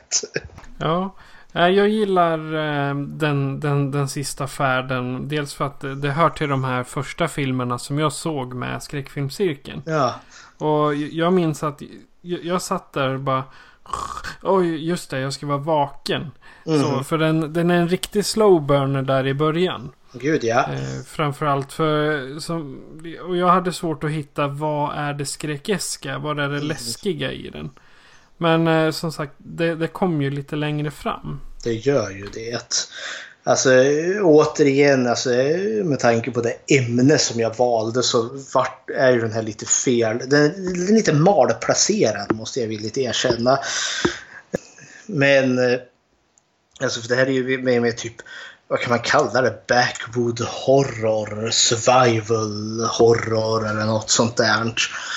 Eh, för jag menar, för det, det är ju egentligen vad den handlar om. Liksom den, här, eh, den här gruppen män. För det är ju... eh, För plotten är väl som så att det är, det är fyra män, fyra barndomsvänner tolkar jag att de är. Ja, nå, nå, något sånt där. Eller så har de jobbat ihop väldigt länge. Ja, åtminstone för det är ju, vi kan ju gå igenom dem. Vi har ju Ed som är då spelad utav Eh, John Voight här. Han är, han är ju typ huvudrollen i den här. Eh, och han, han var väl typ eh, den enda som var liksom lite känd för han hade ju gjort eh, årens, eller året eller åren innan eh, gjorde ju han den här Midnight Cowboy som jag tror han, som han också fick typ Oscar för. Men han, han är ju typ våran huvudperson. Eh, och, och så har vi en till karaktär som heter Louis och det är då spelad utav Burt Reynolds. Helt awesome karaktär. Visst Det är det är min favoritkaraktär. När han kommer där i skinnväst. Jajamensan. Ja, men ha- han är ju verkligen överlevnadskillen. Han är ju den som går igång för det här. Han är ju den som tycker det här är skitkul. Och Ed och Louis tolkar jag som att de är liksom de är liksom de äldsta utav bekantskapen i den här liksom vänkretsen. De har känt varandra längst känns det som. Och sen har de plockat in de andra liksom. Ja, de har, dykt efter. upp, ja, de har dykt upp senare i livet. Så har vi en kille som heter, karaktären heter Drew. Spelad utav Ronnie Cox. Och han är liksom den glada killen med gitarren som senare får den här fantastiska banjo-duellen. Och så har vi en, en karaktär som då heter Bobby spelad utav Ned Beatty. Och han är ju då mannen som kommer bli med i den här eh, skrik som en gris-scenen. Eh, och han är väl den som jag tolkar i den här liksom, kompisgruppen är kanske den udda mannen. Alltså den som... eh, den, här Han är lite egen alltså. Ja, han är lite egen och det känns också som att han är kanske den som har varit minst med i den här liksom vängruppen. Eh, för, jag, jag köper de här som vänner. Jag tycker de är ja, relativt trivsamma. Eh, för, vad tycker du om den här gruppen män som vi blir introducerade för? Alltså jag gillar dynamiken de har. Mhm. Det är inte att det är någon som är den här the bully som kan allting. Utan på ett eller annat sätt så säger de kan du göra det här? Kan du hjälpa mig med det här? Eh, kan du göra så? Och sen ja men bara, visst jag, jag, jag fixar det där. Och liksom hela tiden tycker jag de har en form av, eh, alltså de, de är omtänksamma mot varandra. Mm. Det börjar ju så. Eh, för jag, är med på det här spåret. För jag gillar ju hur den här filmen börjar. För den börjar ju, om vi ska vara filmens absolut första scen. Är ju liksom någon bild på typ, och det är ju en bild på den här sjön, eller floden då. Med ingen musik. Utan eh, det vi hör är ju de här fyra vännerna då som eh, håller på och pratar med varandra liksom. Jag trodde det var ett radioprogram först. Ja, jag tänkte också när, jag, det. när, när jag såg den första gången, alltså att det, att det var taget från en... Alltså, de hade pratat i radio eller någonting. Men eh, icke sa Nicke. Nej, alltså det är ju de här, man, vi får ju inte se dem men vi får höra dem. Och de, de sitter ju, de är ju i bilarna på väg någonstans där då. Och liksom typ eh, liksom skämtar. De, de är väldigt grabbiga och lite smågrova och liksom munhugger varandra på ett väldigt kärleksfullt eh, liksom, sätt. Liksom retas eh, väldigt, väldigt roligt med varandra. För jag tänker, för, för till en början är de verkligen liksom det här kompisgänget. Jag tänker så här, för sen, så ser det, så det finns ingen mobbarkaraktär direkt, men en utav dem kommer ju mer att, alltså det finns tendenser till det. Och det, jag tycker ju att är Louis, han, Burt Reynolds karaktär, han överlevnads eh, entusiasten han är den som börjar... Det, det finns liksom mobb mobbareska drag hos honom, tycker jag. Men alltså, jag åter tillbaka till början där då. Ingen musik, vilket är nästan återkommande för hela den här filmen. Alltså det, är, det är nästintill ingen pålagd musik för fem öre. Varken för att skapa stämning eller spänning eller något. Inte ens för att...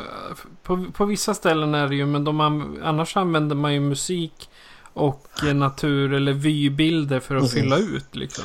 Ja, nej men det är, det är ju till och med inte ens liksom i filmen, den där notoriska skrik som en gris scenen som vi kommer till sen har du ingen pålagd musik.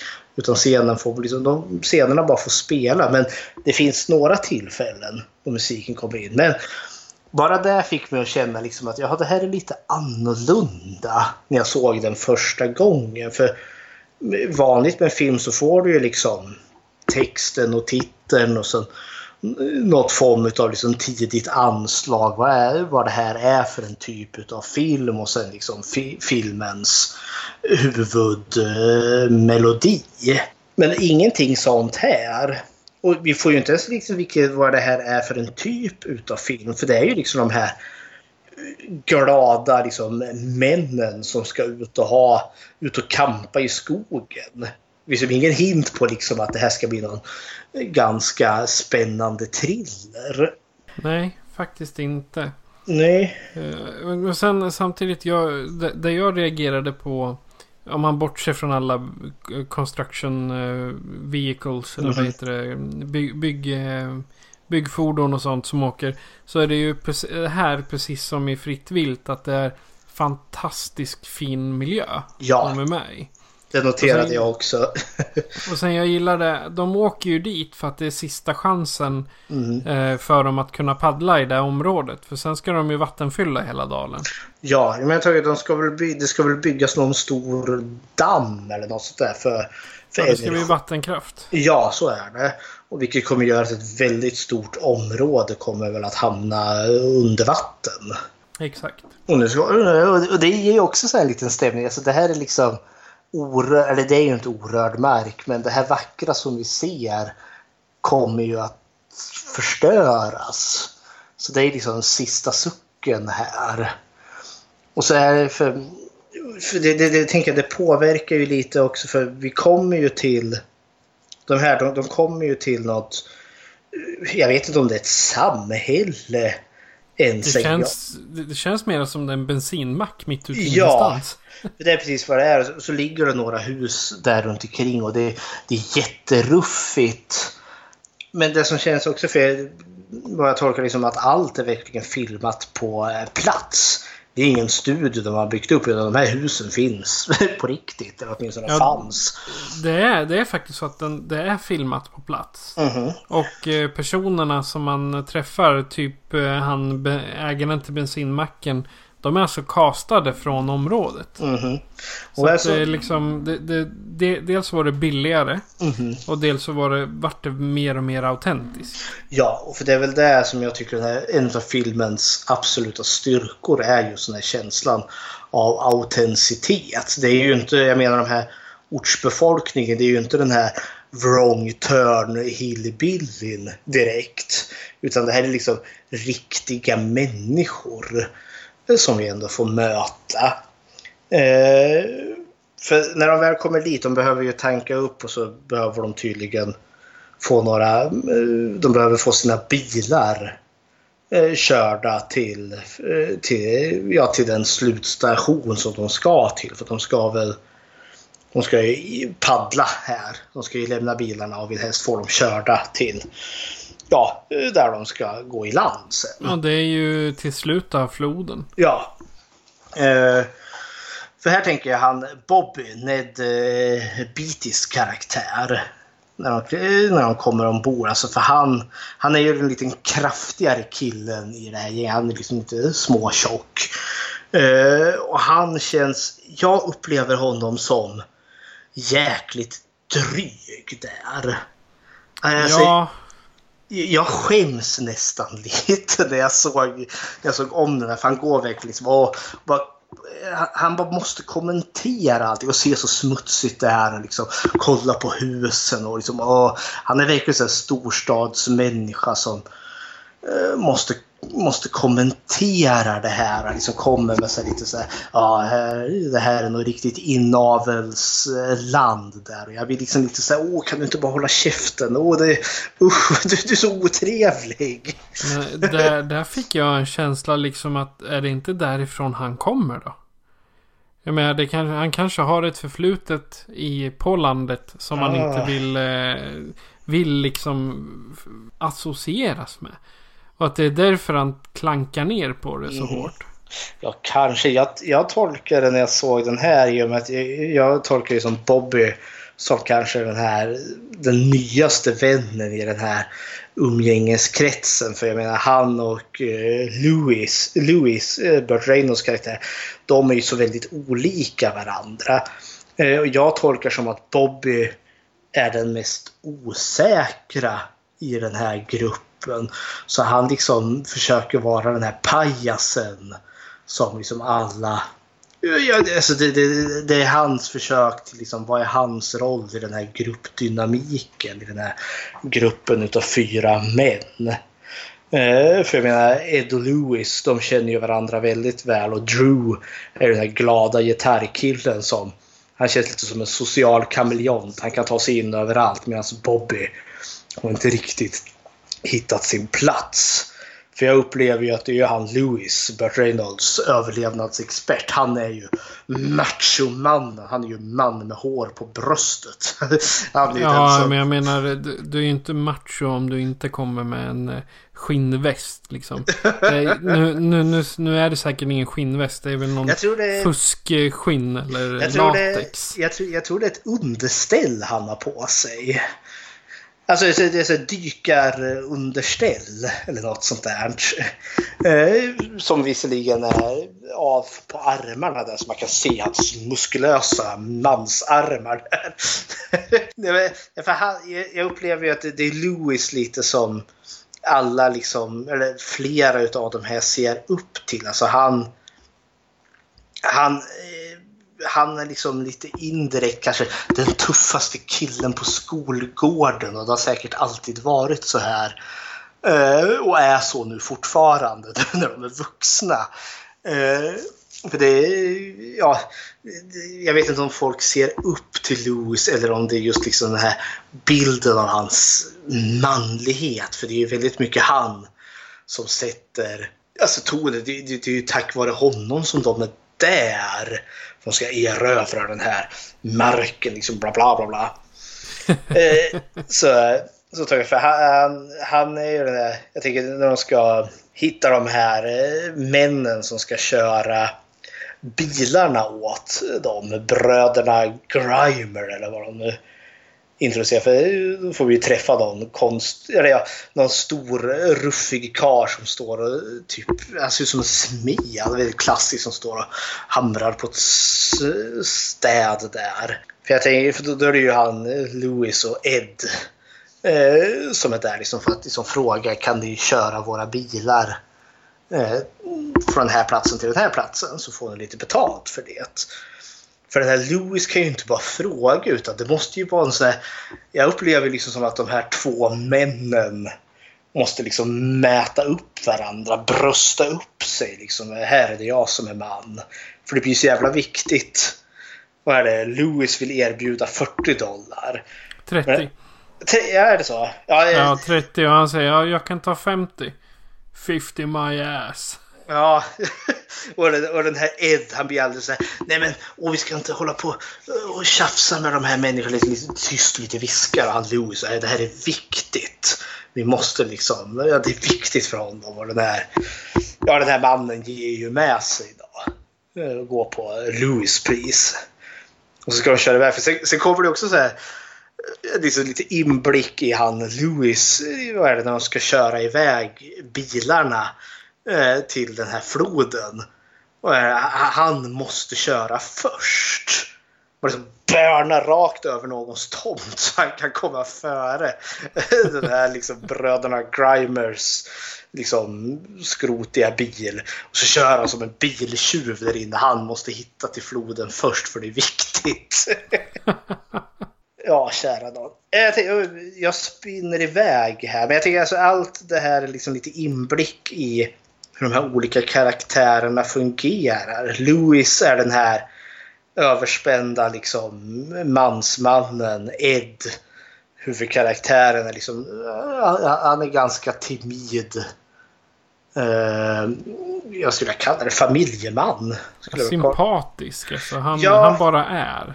Jo, men han är väl ganska nöjd med livet och den här Drew med gitarren. Han är ju killen liksom som är väldigt glad och liksom, han har liksom den här moralen intakt och han Bobby, den här överviktiga, han är ju liksom den lite mer cyniska som kanske... Tredje, han blir ju som det tredje hjulet. Han blir ju det. Han är liksom den osäkra som måste använda sig av sin ganska vassa humor för att hävda sig. Jag tänker, det slog mig innan vi kommer till, eh, till floden här innan Louis måste köra så snabbt för att komma till floden först. Så måste vi ju nämna kanske filmens första mest minnesvärda scen. Och det är Drew och... Eh, är Ronnie Cox och Billy Redden. Jajamensan. Pojken med banjon heter Billy Redden. Så heter han ja. Och karaktären kallas då för Lonnie har jag Ja. upptäckt. Jag vet inte om det nämns någon gång i filmen men Nej, i, I manuset så heter han i manus heter han Lonnie. och det är ju den här helt fantastiska banjo-duellen. Ja. Eh, och, och den är ju helt... Den är väldigt lång. För mycket av det här som vi nämnde, liksom, Bobby är dryg och Louis och Ed håller på och tjafsar om priset för den här eh, bilen, eller att köra bilarna. Eh, så sker det här nästan i bakgrunden. För jag tror hela stycket, vad var det du, jag tror du fick fram, vad var det? Alltså Hela- om, man, om man går från, eh, alltså han eh, från första början. Mhm. Som, eh, eh, vad heter han nu? Drew. När han börjar stå och klinka på sin gitarr. Ja, Så för han står bara och spelar lite själv. Och sen kommer ju den där grabben fram med en banjo. ja, Liksom, han sitter säkert där hela dagarna. Liksom, den karaktären. Och då så ser han ju honom och så på något sätt så stämmer de, stämmer de instrumenten mot varandra. Mhm. Och det, det, det är så man gör. Så jag tänkte liksom, ja men de ska jamma lite. Så. Mhm. Och, men det vart ju bättre än så. Och sen eh, då mm, så börjar för banjoduellen är ganska lång. Den är nästan fem minuter. Mhm. Så alla de här introna, de testar lite små pling-plong så att liksom så de vet hur den går. Och sen så börjar de då mot varandra. Mhm. En kul fakta om banjoduellen är att det, det är faktiskt inte två banjos som spelar utan det ska vara en banjo och en gitarr. Mhm. Även i den riktiga så att säga. Ja. Ja. För Drew har ju inte en banjo, han har ju en gitarr där som Exakt. han släpar med sig överallt. Ja, och en, eh, det som är ganska roligt i den scenen är att eh, han, eh, pojken Lonnie, han sitter ju väldigt stelt och spelar. Han gör ju det. Ja, och det finns en orsak. För att bakom honom så sitter nämligen en banjospelare. Ja. För han kunde inte spela banjo. Nej, det, vad är det? Det, det är ju hans... Uh, han liksom längre ner på banjon, han, han, liksom, han drar ju liksom bara handen fram och tillbaka. Och den andra handen som är längre uppe på banjons liksom, huvud, det är ju den här andra mannen som sitter och trycker ner. Precis, han gör, han gör ackorden. ja. Men sen är det ju, det är ju playback och det är två helt andra yrkesmusiker som spelar in det i studio. Ja, såklart att det är. Och de valde ju ut han, Billy Redden, på grund av hans utseende. För han är ju, han är ju, jag tror han var typ 15 när de gjorde den här filmen. Ja, ungefär. Och det, det, alltså han är ju 15-årig pojke där då. Han är ju, han är ganska, han, jag skulle inte säga att han är så lång, men han är ganska smal. Har relativt stort huvud och så den här lite, alltså han har lite speciellt liksom över ögonen. Han ser liksom, hans ögon är lite lätt liksom utdragna, ihopstängda och så har han liksom väldigt tunna läppar tycker jag. Så, så varje gång han ler så liksom kommer väldigt mycket av tandköttet fram. Sen så, han har väldigt ljusa ögonbryn också. Ja. Han är Eller väldigt, han har det i filmen i alla fall. Ja, han är väldigt blek och väldigt tunnhårig överlag. För nu nämns det ju inte, det är ju han Bobby som är så elak där i början och ger dryga kommentarer om det här inavel. Men alltså det är ju vad jag misstänker att filmskaparen försöker liksom hinta åt att han den här Lonnie då är liksom resultatet av ett incestiöst förhållande bland de här bergslantisarna. Så tolkar jag det. Det låter som det. Ja, för det var eh, han stackars Billy Redden är ju inte ja, resultatet av, alltså i verkliga livet av något incestiöst förhållande. Han har bara ett litet säreget, vad heter det, utseende. Så han, han gick liksom ofrivilligt och fick bli posterboy. Alltså någon form av omslagspojke för just typ incest och psykisk sjukdom vilket, var liksom, vilket var, liksom var kanske inte det epitet som han riktigt hade tänkt sig, men så vart det. Nej, men Starka. han fick, eh, alltså för den tiden, han fick 500 dollar för att vara med i filmen. Så han, liksom, det var eh, sommar, sommarjobbet färdigt där. Ja. Nej, för jag tänker, för de hintar ju lite, han karaktären Ed. Han går ju lite runt här, han blir, han blir ju ensam vid något tillfälle. Och går runt lite och så får han ju, ser han ju in genom ett fönster där det sitter någon äldre kvinna. Och håller på och stickar och sen i i eh, typ soffan eh, bredvid henne så sitter det ju någon väldigt alltså, eh, missbildad ung flicka tycker jag. Alltså hennes armar och ben är väldigt som tunna och förvridna som om att hon är som en missbildad eller typ cerebral pares eller något sånt där. Hon kanske har så dåliga leder som är för ja. förkalkade. Typ. Ja, men hon har också liksom lite förvridet liksom, eh, ansikte där och liksom lite lätt öppen mun. Så det kanske kommer lite dregel ur. Och jag försöker liksom, vad försöker filmskaparen säga här? Ja, det är väl också det här liksom incest eller något sånt där liksom leder till missbildningar. Alltså, jag tycker nästan att eh, den smak jag får utifrån de här fyra eh, stadsmänniskorna som kommer till den här liksom by, alltså bergslantisarna beter sig lite illa tycker jag med, med sina fördomar.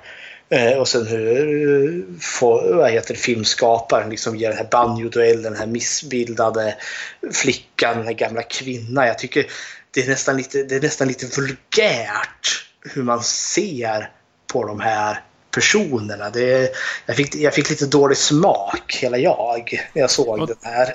Och det här är ändå ganska tidigt på mm. floden så att säga. För det är ju det att när ju längre, det är som, som jag sa i, i inledningen att ju längre ner eller upp de kommer på floden desto värre blir ju människor. Mm. Ja. Det, jag tror liksom den här olustkänslan jag ska få är precis det regissören är ute efter. Alltså det är inte så att de här människorna är farliga eller onda på något vis och vänster utan de är bara lite annorlunda och det skapar ett obehag hos mig.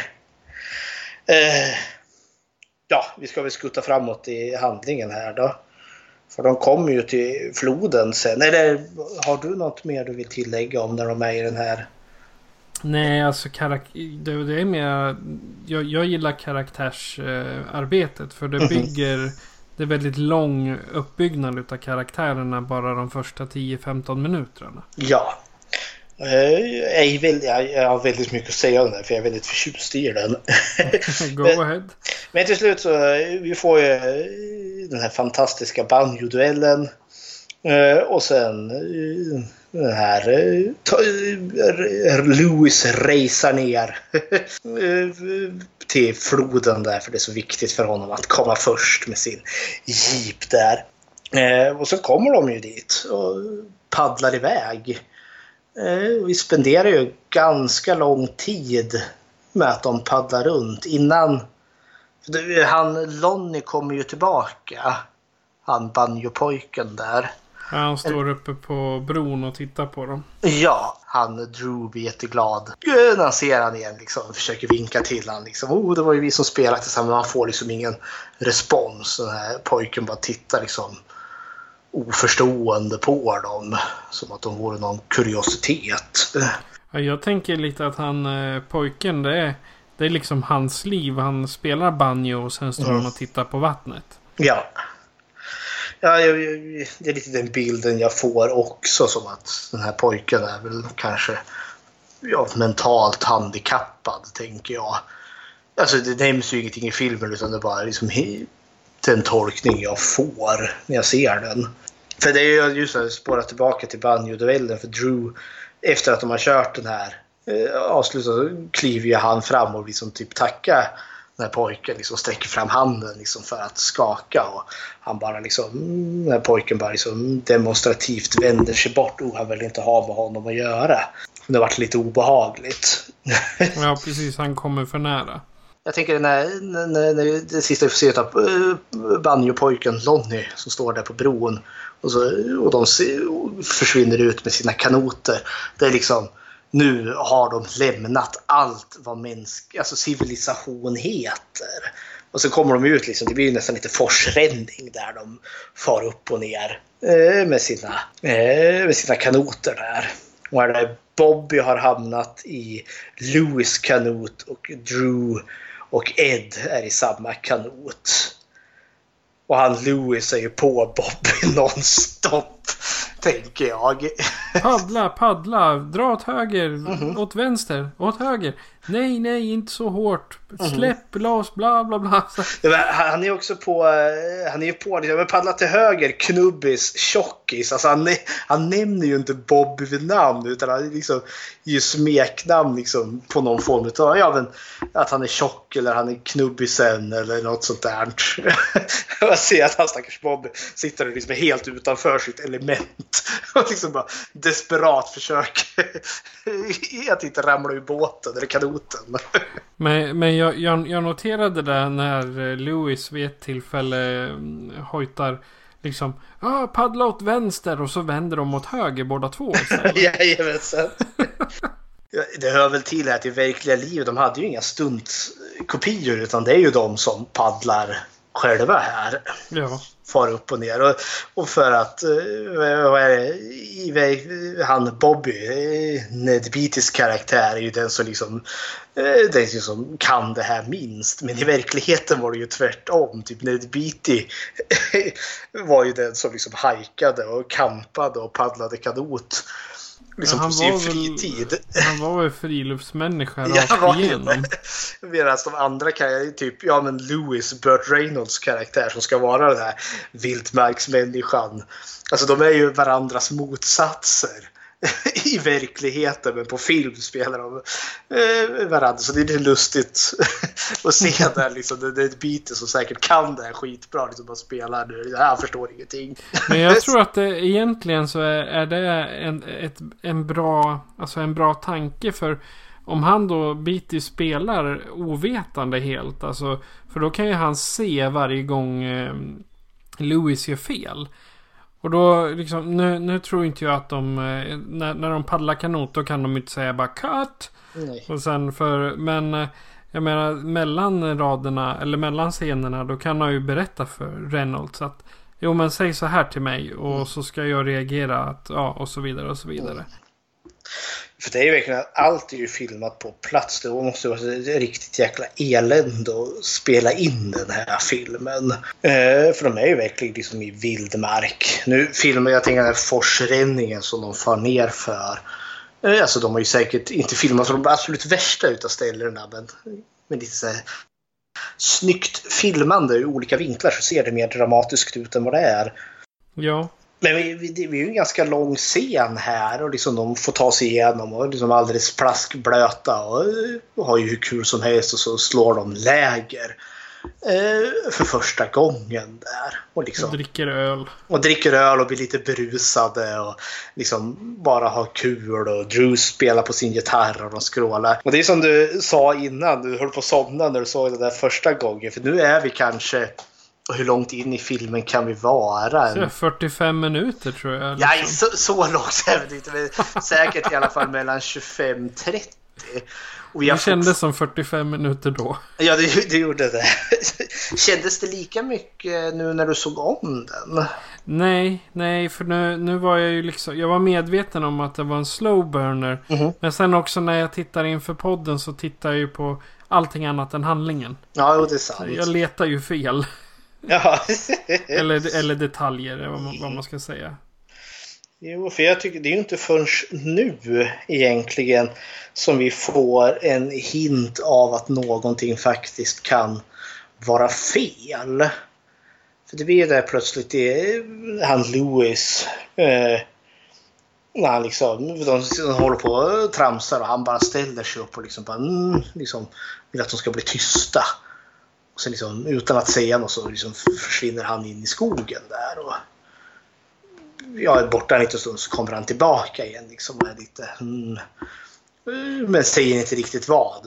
Då, då kände ju jag liksom att här, vad var det han? Ja, han såg väl något. Han hörde något, antar jag. Eller så har han varit och hittat spår. Ja, nej, men jag, jag, han ser ju ut som att han spejar, liksom ser någonting. Liksom, hur han nu kan se någonting i den där mörka skogen, vet du, fåglarna. Men eh, det är liksom första gången då jag känner liksom någon form av hint och jag får en tanke. Oh, är, är det något som kanske är farligt i skogen? För, eh, alltså, den här filmen spenderar ju jättemycket tid bara liksom att bygga karaktär. Vilket är, du som, som du sa, det är ju en slow burn. Och vi får ju lära känna kanske Ed och Louis allra mest. Vi får ju en liten scen där strax innan de eh, gör den här mm, slår, slår, slår, slårtcampingen. Där han Louis håller på och jagar fisk med sin pilbåge. Och den här pilbågen kommer ju spela väldigt viktig roll senare i filmen. Precis. Ja, han Lewis eh, står ju liksom ger sin harang liksom över. Liksom, jag tolkar det som att hans förakt gentemot den moderna världen, där liksom sitt brandtal om vikten av att överleva, liksom komma där som är nära liksom, livet. Och Ed ligger där i kanoten och dricker öl och tycker att ja, men det, det, det är mycket som är trevligt med det moderna livet. Och, ja, det är väl inget fel med att bo i stan och allt sånt där. Nej men sen tänker jag också att för där eh, när Louis har skjutit fisken så längre fram eh, Jag tror det, det är i un- ungefär samma sekvens så tar ju Ed eh, tag i eh, pill, pillbågen också. Mhm. Han ska försöka ge sig på det där typ rådjur eller hjort Ja. eller vad det är.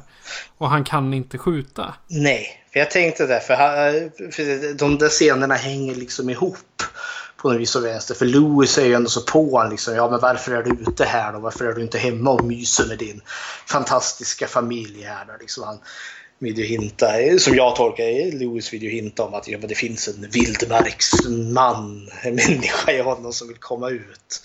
Jag tänker att någonstans har han kanske rätt liksom som att Louis har blivit för bekväm. Och jag tänkte det när han smyger upp och tar pilbågen och ska skjuta den där hjorten. Och så klarar han inte det.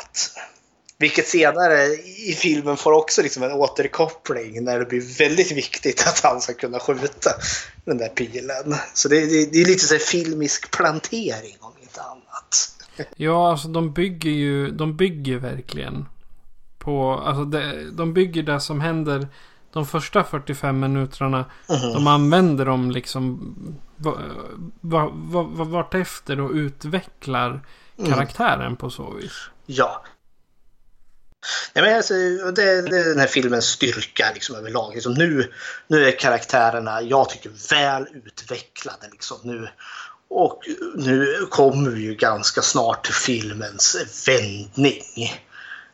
För, för, för det blir ju så här efter eh, den här att de har haft den här campingen efter att Ed eh, där på morgonen inte lyckades skjuta hjorten så beger de sig iväg. Och den här nu vill ju Louis inte ha Bobby i sin kanot. För han är ju så jäkla trött på den där Bobby som är så mesig. Så eh, han säger ju åt Ed liksom, jag vill inte ha Bobby i min kanot. Eller Bobby. Eh, så då blir det ju Ed och Bobby som paddlar iväg. Och jag, jag, först, jag måste villigt erkänna, jag förstod inte, för de kommer ifrån varandra på något vis och vänster. Jag tror att eh, de här eh, eh, Drew och eh, Louis de eh, åker väl ner för ett fall snabbare medan alltså, Bobby de- och Ed fastnar. Nej, de är ju efter. Drew Louis är efter. Jag tänkte så här, nu är det som så Ja, att. Drew och Louis blir kvar och typ plockar ihop deras camping. Så kan det ju vara. Medan Bobby och Ed liksom har paddlat i före. För det är ju nu, för, för Bobby och Eddie har ju som då bevisligen paddlat före och så kommer de i land någonstans. Och jag har för mig att det, det är väl Ed som plötsligt ser en man komma gåendes i, i, i buskarna där. Och så möter de ju upp två män där. Och det är ju nu filmen eh, vänder markant med sin kanske då mest beryktade och omtalade liksom scen som finns här. Precis. För vilka är det jag kollade på? De här två männen de möter. Karaktärerna heter The Mountain Man, Bergsmannen och The Toothless Man, den tandlösa mannen. Ja, precis. Bill McKinney och Herbert Cowboy Coward. Jag Ja. tror inte han heter Coward Jag såg det. Han som håller i geväret. Jajamensan. Eh, och ja, de här två männen är ju filmens skurkar. De är ju, ja, de är ju våldtäktsmän. Det är ju det som är så Precis. chockerande. Alltså, det finns mycket att säga här, men liksom, det, det som komma skall. Liksom, jag hade ju sett den här på tv innan, innan jag visade den på skräckfilmscirkeln och sett den flera gånger som ung. För jag, jag tror att det, när du såg den på skräckfilmscirkeln, det var första gången du såg den. Ja, precis. Och du var lite såsig och trött och tyckte att det var tråkigt. Alltså, vad hände nu när den här scenen plötsligt kommer? Hur reagerade du då? Ja, men då vart jag liksom bara... Uh, what? För jag menar, en, sån scen, då, då tänkte jag mera typ som typ Super 8 eller VHS eller The, The Poughkeepsie Tapes. En sån, sån film kunde jag tänka mig. Två psykotiska rednecks som liksom våldför sig på stadsbor. Men att, eh, att det skulle komma en sån här film där det egentligen bara bygger på kampen mot naturen. Mhm. Jag var mera inne på att det skulle komma några muterade djur eller att de skulle behöva slåss mot vildkatter eller vad som helst. Mm. Alltså, Det var så jag var inne på. Det var därför jag vart så förvånad. Mhm. Ja, för den här scenen är ju för mig för just hur den utvecklar sig. För till en början så är det ju liksom så ja, de träffar de här två männen och det är lite awkward.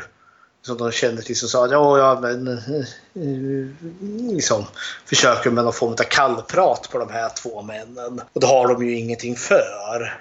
Liksom, man vet inte riktigt var det här ska ta vägen. Liksom ska, de bli, ska de bli rånade? Ska de bli misshandlade? Men sen när, jag börjar, liksom, när man börjar förstå att men herregud, de är här för att våldta eh, Bobby och Ed. Det är det som är så mycket för liksom, ja, våld, våldtäkt liksom. Det, det är en man som tänker våldta en annan man här. Det är liksom, jag måste säga, jag tror för det här är nog den film som jag första gången har sett det i en annan film. Visserligen, jag, jag tror jag såg Pulp Fiction inte allt för långt efter den här och där har du också en man som våldtar en annan man. Men det är bara det som är så märkligt liksom. För jag är så ovan vid att se det överlag på film. Ja, han, eh, han som är Mountain Man, han som begår våldtäkten, eh, Bill McKinney. Han har en ganska gedigen eh, li lista av filmer Mhm. som han har varit med. Han dog 2011 Mhm. och- i en ålder av 80 år. Ja, se där. Så han, han var med ett tag. Han var det. Jag ser antalet filmer är 117 Mhm. filmer och serier och tv som han har varit med i. Jo, han var väl en stuntman och har väl spelat en hel del skurkar så vitt jag förstått. Ja, vad jag, jag bläddrar lite snabbt på hans nu och det är inte många snälla. Nej. Eh, för det är ju det, var Lewis binder dem upp mot ett träd. Nej, Ed binder dem upp mot ett träd. Och Bobby tvingar dem ju att klä av sig. Så han står där i bara kalsongerna sen. Eh, och så kommer ju den här liksom ganska långsamma utdragna liksom processen när den här eh, Bill, eller Mounted Man, då liksom börjar tvinga sig på Bob. Eh, och så kommer ju det, det som är det här i slutet, eller ja, slutet på våldtäkten där när han tvingar ner han på, på alla fyra och liksom säger åt honom att skrik som en gris, squeal like a pig. Medan han då ja, våldtar honom helt enkelt. Uh, och det, jag tror det var det jag tänkte när jag valde det här temat. För liksom att det var det som skulle vara liksom terrorbiten. Hur de terroriserar de här två männen, liksom sadister som de är. Eh, det, är ju, det är svårt att säga att, liksom, att någonting skulle vara smakfullt i det här. Men vi får ju inte se så mycket av den här, eh, alltså själva våldtäkten. Alltså, vi får ju se mycket men vi får liksom inte se liksom, där det händer. För det för här liksom förlitar de ju sig, det här skrik som en gris blir ju väldigt viktigt för att förstå själva scenen. För det är ju verkligen här liksom Wii, wii, liksom som en gris. Eh, Och sen plötsligt så eh, hojtar han ju till och man förstår att han får ont. Ja, precis. Och liksom, och det, bara liksom, och så filmar det ju ut liksom kameran vänder sig mot Ed. Som är liksom fastbunden vid det här trädet. Man får liksom bara höra vad som händer. Vi får inte se och vi får se liksom Eds liksom skräckslagna uttryck. Eh, Så det är vansinnigt effektfullt tycker jag. Ja, och de binder ju Ed på ett ganska otrevligt sätt. Mhm. Alltså de sätter ett bälte runt halsen på honom och runt trädet. Och är det, han drar väl också upp vad är det, tröjan så att hans bröst blir blottat och skär han lite med kniven. Är det väl. Ja, han rispar väl honom för att den andra Bobby ska stanna kvar. Ja, ja det, är, ja, det är alldeles för hemskt. och sen när de är klara med Bobby då är det till för den här andra, den här tandlöse mannen. Det blir också så en viktig grej för han har liksom väldigt uppenbart, hans typ två framtänder finns inte med. Han bara står där och ler och liksom det var ett stort hålrum där. Precis. Eh, för jag tänker liksom, nu, nu har den andra mannen fått sitt. Och nu är det dags för den här andra mannen att få sitt. Och så ska de tvinga ner Ed på knä och han eh, ser liksom så att den här mannen som våldtog Bob liksom står och tittar på den här tandlösa mannen. Liksom, vad vill du då? Och han, tandlösa mannen, liksom tittar ju på Ed och liksom säger You got a purty mouth. Han har en väldigt vacker mun. Så man förstår liksom att han tänker våldta Ed. Så det är också... Jag, jag, jag får bilden av att det här kan inte vara första gången de här två männen gör något dylikt. Nej, och gör de inte det med andra så gör de det väl med varandra. Ja, eller ja, ja säkert. Men det, det kommer så naturligt för de här två männen. Eh, Så, eh, så creepy as fuck. Men vad är det som händer då? Det är det som är lite kontro alltså, det är kontroversiellt för den tiden. Mhm. Jag menar det är ju inte våld men det är ändå något helt annat. Det är, det är ju våldtäkt och dessutom på ur en homosexuell Ja, alltså det var... del. Det var väl eh, fortfarande då som det här eh, Book of Decency eller eh, vad de nu Ja, heter. Legion of Decency. Men- Legion ja, of Decency. De var väl fortfarande aktiva? Ja, nej, det här katolska censurväsendet. Nej, de var inte så aktiva just då. För det, det här är ju lite, om vi nu ska gå rent filmhistoriskt, det är, liksom, det är ju på slutet på 60 det, liksom det, det är typ det, det, den här liksom moralcensurens död. Det är det som tack vare att vi kunde få filmer som, som Den sista färden. Det, det, det fanns ju inte med på kartan att göra en sån här film medan liksom den här moralkoden fortfarande fanns i Hollywood. Men nu eh, kommer ju Lewis och eh, Drew. Eh, vi får ju bara se, eh, vad är det, Lewis står ju där helt plötsligt i buskaget med pilbågen spänd. Eh, och skjuter ju den här eh, mannen som våldtog Bobby. Ja. Pilen går ju rakt genom hans bröst. Och den här andra tandlöse mannen han sp- springer ju in och försvinner i, i buskverket. Eh, hur kände du när den här dödsscenen som den här våldtäktsmannen får? Alltså den är ju väldigt lång och väldigt utdragen. Jag hade ju hopp, eller hoppats, ska jag säga, för jag kände ju när han står där med pilbågen och känner, då blir jag nästan lite lättare. Ja, nu kommer räddningen.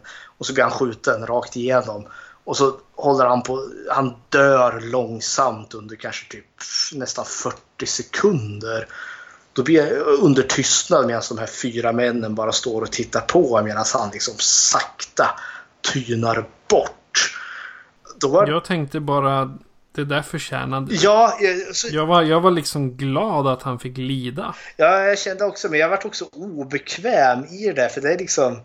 liksom, det, det, det är väldigt ofilmiskt. Att det är liksom, alla så cowboy och indianfilmer jag sett liksom från pil i bröstet. Aj, du är död. Utan att han Ja, dör det, blir, det blir något autentiskt över att han dör långsamt. Vilket också gör liksom att, oh, kan han inte bara dö någon gång? Oh, kan han inte...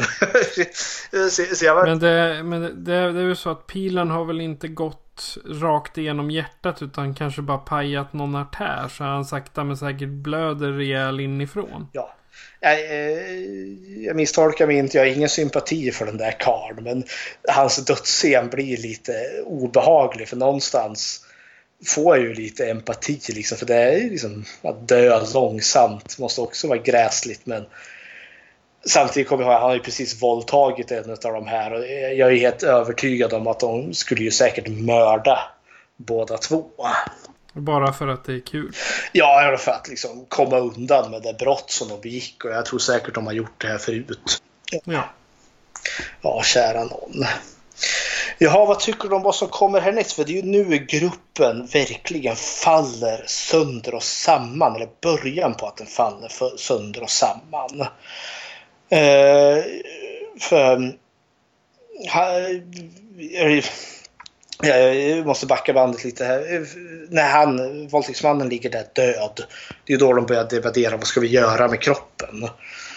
Eh, och något jag vill verkligen ge den här filmen som jag alltid tyckte så starkt är just eh, karaktären Bobby. Ned, Ned vad heter han nu? Bobby, Ned Betty. Ned, Ned Beattys karaktär. Hur han bara går i bakgrunden. Liksom, han har blivit våldtagen. Han, han är verkligen chockad, traumatiserad. Eds karaktär där liksom får hjälpa honom att klä på sig. Och jag, jag, jag tycker så synd om honom just då. Och det, det, det, det, är så, det är så hemskt. Liksom, jag försöker liksom sätta hur, hur hade jag själv liksom hanterat den här situationen. Eh, och han Drew, gitarrkillen, han vill ju liksom att ja, men nu, vi måste ju ta det här till polisen. Eh, Och Louis vill ju gräva ner han i skogen. Nej, han vill ju inte ens, alltså han tycker inte ens det är lönt för Ja men det, det blir snart vattenfyllt här och eh, Kommer de hitta honom då? Nej, bla bla bla. Och kommer någon av de andra hillbilliesarna sakna honom? Nej. Mhm. Så för han vill inte göra det här jobbet som eh, eh, Drew vill. Mhm. Alltså Drew vill ju göra, han säger ju det, det som är rätt, vi måste följa lagen. Han är liksom, han vill liksom för det som är, han är ju liksom den, den glada liksom moraliska karaktären. Men jag, jag, jag tolkar liksom Louis här, alltså han har ju, han har ju gått över en gräns här. Alltså han har ju dödat en människa. Och eh, någonstans tror jag liksom att han, han går igång lite på det här. För han blir ju väldigt liksom alfahanne Verkligen. här. Ja. Eh, liksom, han, han, han har fällt sitt största byte här på något vis och vänster. Men nu måste de ju göra någonting åt. Alltså, jag har sånt problem för jag tycker ju än så länge de har inte gjort något fel. Nej. Någonstans. För jag, jag, jag, kö- jag köper att det här är ett nördvänsdråp. Så, men här faller ju gruppen isär för de börjar ju liksom skrika. Drew vill att vi ska ta det till polisen. Louis vill gräva ner allting för om bara några dagar så kommer hela området vara en enda stor sjö. Exakt. Ja, och det här kommer förfölja oss. Liksom hela vårt liv kommer vara färgat utav detta. Tänk på våra familjer, tänk på karriären. Och det blir ju så de beslutar att gömma hans kropp i skogen. Ja, de gräver väl ner den typ, typ. Om man ska Ja. säga det. Det lär väl vara att de hinner lagom därifrån så är det något djur där och gräver upp han och äter upp han. Det är en väldigt grund grav. Ja, det beror ju på hur snabbt den hamnar under vatten då förstås. Exakt. Men eh, alltså det är ju nu, det är nu filmen liksom tar, går från den här jätte... Den här ganska glattiga eh, tonen till, liksom, eller inte nu, det, våldtäkten har ju onekligen bara placerat filmen i en helt ny eh, vad heter det, nivå. Det liksom, från ingenstans kom det ett slag i magen. Vi har knappt eh, fått möjlighet att liksom, hämta andan och filmen bara går på här. Liksom bara ställer liksom, jättejobbiga liksom, moraliska dilemman. För, jag, för hur känner du? Känner du att de gör rätt? Att gräva ner honom? Jag skulle lämna han som han satt ärligt talat. Ja, så, så kände jag också. Ja, så kände jag också. Liksom, bara, bara lämna honom. Jag tänkte va- varför lägga ner jobbet på att begrava honom som eh, begick något så hemskt. När han kan Mm. få lida till döds bara för att. Liksom. Ja, visserligen om man nu skulle se ultrarealistiskt för då skulle hans kropp då skulle han ju flyta upp till ytan. Hans lik skulle spola i land någonstans. Och då skulle det bli problematiskt. Jo men sen är ju frågan hur många andra lik spolar också i land. Ja, det vet vi ju inte. Det, Nej. det kanske inte är några mera. Och då, de kan liksom inte hantera det. Det är ju sådär att för mig blir det ju liksom, ja, de har ändå så dödat en annan människa. Eh, och det, det blir så svårt för mig att liksom, liksom säga liksom, för jag är helt med på tåget. Liksom, lämna den här hemska, hemska människan där. Men samtidigt är det ju också rent juridiskt fel att göra det här. Eh, Så jag är lite kluven. Ja, Eh, samtidigt, det. samma sak. Det, det är juridiskt fel att, att våldta någon. Så, Ja, gud, Alltså jag menar alltså. Hämnden är ljuv känner jag i det här fallet. Och Ja. det är mer ett laglöst land. Det är så jag känner. Ja, Polisen riktigt. åker inte ut mitt i ingenstans Nej. bara för en påstådd eh, liksom, våldtäkt. Ja, men det är liksom, det är inte egentligen förrän de faktiskt gräver ner han för att dölja detta. Som de, re- eh, nu är inte jag någon juridisk expert, men som jag tänker att det gör de eh, det första felet. Men åtminstone så är det liksom bryts gruppen samman. För jag tänker han Drew, eh, gitarrkillen där, han är ju den som jag tolkar knäcks utav det. För det här går ju emot allt vad han tror och, och, och, och står för. För han blir ju nerröstad. Resten av gruppen tycker att nu gräver vi ner han. Och han vill ju inte. Så, men så tvingas han ju att göra. Han är ju med där och gräver graven. Sen är det ju det här. För sen ska de ju ta sig därifrån. Eh, och då kommer ju vad, vad händer med Drew? Eh, vilket är, jag tycker är en ganska finurlig scen. För han, han ramlar ju ut ur kanoten helt plötsligt. Precis.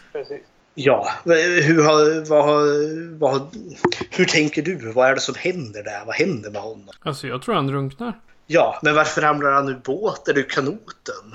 Han beter sig konstigt innan. Han vill inte ta på sig eh, vad heter det, mm, flytvästen. Och man ser hur han Lou liksom tittar på någonting som finns uppe för, eh, för att måla bilden. De är ute och paddlar kanot och de har de här bergsväggarna. Och han Lou ser någonting. Och "Ah, bara fortsätt paddla, fortsätt paddla, fort ska det gå.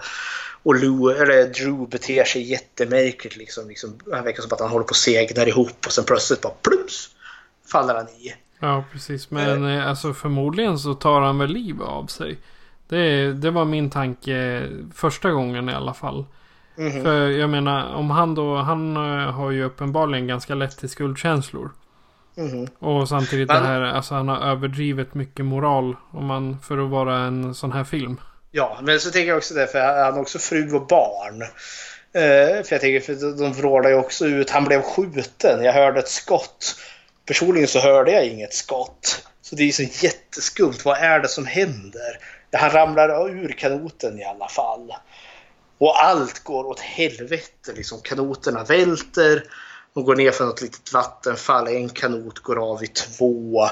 Eh, Louis karaktär bryter ju benet så står härliga till.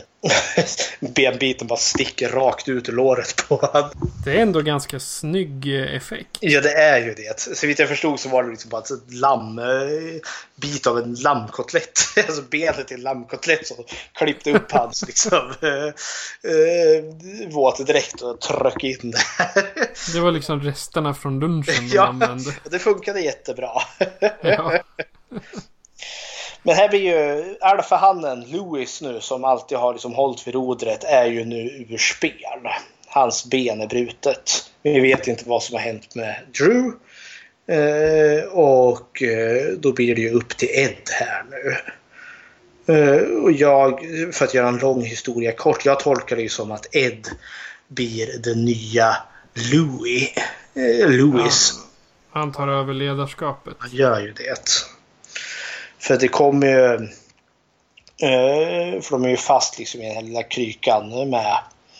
Eh, liksom, jag är ganska övertygad om att den här tandlöse mannen är där uppe och lurar på dem.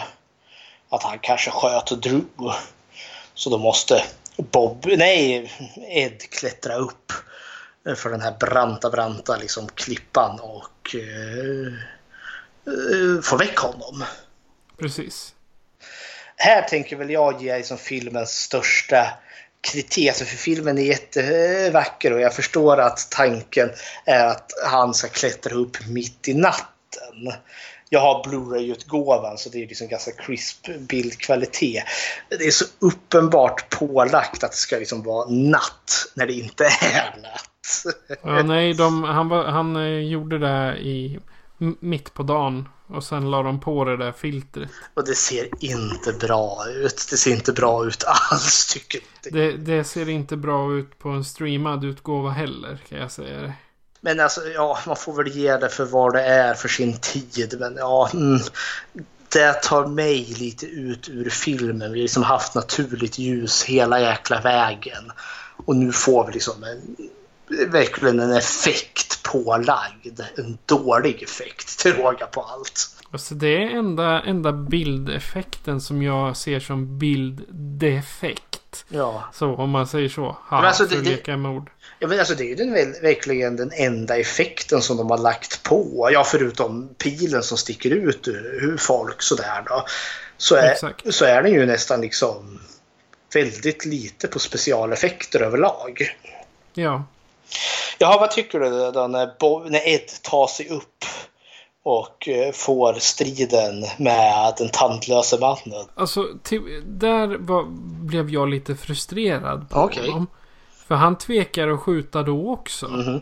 Det blir ju samma som med, med, med vad heter det, rådjuret där. Exakt, och jag var så irriterad på honom. Jag sa, Herregud människa, skjut nu. Fasen, de försöker mörda er. Mm. Ska du inte slåss för ditt liv? Här har jag tänkt, det, det är ju kanske både och. Jag tänker att det är kanske inte så lätt att ta ihjäl någon. Men här tänkte jag, här var det också ett uppenbart problem med min, med min eh, vad heter det, Blu-ray-utgåva med så mycket bättre bildkvalitet. För jag kommer Okej. ihåg när jag såg den på TV och hade den på VHS-kassett. Då är liksom bilden liksom inte alls lika skarp och fin. För det är där han står där och tvekar. För det är liksom att jag som publik kan inte riktigt se vem som står där borta. Är det den tandlöse mannen eller är det inte den tandlöse mannen? Eh, Så, så det förstärkte ju den effekten att han helt enkelt vet inte. Är det där den där våldtäktsmannen eller är det bara liksom, kanske bara en helt vanlig jägare som är ute och spatserar? Precis. Fast med den här liksom, ja, nu blir det ju liksom, för mig vart det mer uppenbart nu när jag kunde se så mer klart att det är ju bokstavligen den tandlöse mannen. Exakt. Men jag tycker, vart du lurad? För det är ju lite av ett trick. Han skickar ju iväg ett skott, pjonk. Eh, och faller omkull så illa så han, han, så han lyckas ju spetsa sig själv på, på pilen. Ja, han spetsar sig på den pilen han har sitter kvar i kogret. Så är det ja. Ja. Och det, det, det är ganska otäckt. Och den här tandlösa mannen kommer ju gåendes emot honom med geväret. För för det tycker jag det är ganska snyggt ändå. Han liksom, vad ska han göra? Han, liksom har, inga, han har inga mer pilar kvar och så tar han upp en liten kniv den liksom, Man ser att tandlösa mannen dyker upp det på stenen framför honom och riktar geväret mot han. Så plötsligt segar han ihop. För vi får ju se han framifrån och sen viker han sig åt sidan och då ser man pilen som sticker rakt igenom hans hals. Eh, som vi inte kunde se för han kom ju framifrån. Men när han vänder sig då kan vi se pilen. ja, precis. För han behövde inte andas förrän eh, då. När han skulle skjuta. Mhm. Ja, men jag tänker att han förblöder väl lite långsamt eller något sånt där. Man dör väl inte pang bom sådär. Ja, det, Det beror på vart du träffar. Jo, men han gjorde inte det i alla fall. ja.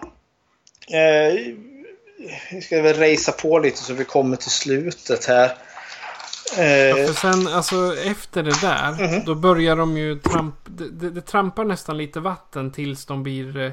eh, Tills de kommer till, alltså fram till räddningen. mhm. Liksom, för det, det, det tar ju inte... Det är inte direkt så att det tar kort tid för dem att ta sig från att de har tagit koll på den tandlösa mannen till att de kommer fram och liksom kan ringa efter hjälp och så Nej. vidare. Det tar ju en stund. Nej, men jag tycker det, det, det blir bra. Jag gillar det eftersom att varje scen får liksom den får sin egen tyngd i sig. Liksom jag, jag känner liksom den här nedbrytningen. Alltså när de väl kommer till staden igen så känner jag mig nästan lika trött och sliten som de måste vara. Efter en sån här jäkla skräckupplevelse de har. Man kan tänka sig in i hur de Mhm. känner. Ja, men jag kan tänka, nu vill jag säga, inte ens här när han har ihjäl den tandlöse mannen. Eller inte ens här, det, det, det är ett självförsvar. Den tandlöse mannen var där för att mörda dem, helt enkelt. Precis. Men jag tänker se här nu när jag tycker att den här gruppen börjar göra fel. För de hittar ju kroppen utav Drew. Hans, hans kropp är uppspolad mot någon eh, trägren där och hans arm är typ böjd helt bakåt. Eh, ganska groteskt där. Eh, och de hittar, det är deras vän ändå som de har hittat död. Exakt.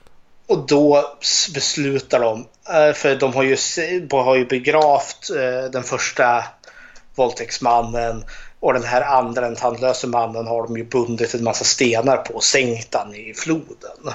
Ja. Och de beslutar sig för att göra samma sak med deras vän Drew, med hans kropp. De sänker honom i floden med tyngder. Nu känner ju jag i alla fall att nu har de gått över någon form av gräns. Liksom, för jag menar, Drew har inte gjort något fel någonstans. Nej. För här, för här känner jag liksom nu, nu har de gått...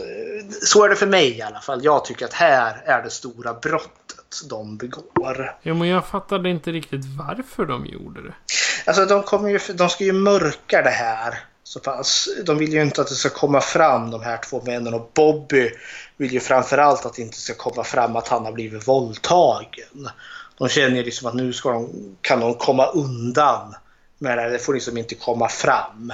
Och nu ska de kokar de ihop en historia om att det var en olycka att Drew drunknade. Men jag kände lite samma sak som du sa. Varför? Varför gör de så här? För de, jag känner att de binder olycka till sin egen rygg här. Då liksom de börjar med den här lögnen. Ja, det kom, alltså, den kommer ju förfölja dem resten av livet. Ja, för det är ju liksom för det. Den, för det kommer ju ganska bra stycke. Alltså filmen är ju inte slut efter att de har haft ihjäl den andra våldtäktsmannen där. Eh, och inte ens när de har kommit tillbaka till staden. Och jag måste nästan erkänna att det här är nästan min favoritdel i hela filmen. När de väl är tillbaka och börjar bli omplåstrade. Liksom. De är tillbaka i civilisationen. Man kan se hur de börjar känna liksom, med säkerhet. Eh, men så börjar jag uppleva att nu blir den här filmen lite mer Hitchcockiansk. De har en hemlighet som de måste liksom hålla tyst. Och sheriffen kommer ju där och börjar ställa en massa frågor. Liksom. Och där de säger stämmer inte riktigt och polisen börjar fatta lite misstanke. Ja. Men frågan är ju sen vad polisen ska göra åt saken. För det är väl bara någon, någon några dagar till sen. För det här, de, de första de möter när de kommer tillbaka till byn. Det är ju en familj som ska mm. som är på väg därifrån. För då bilen är full ja. med, fullpackad med grejer. Jajamensan. Och då, då, då tänker jag liksom, ja ja.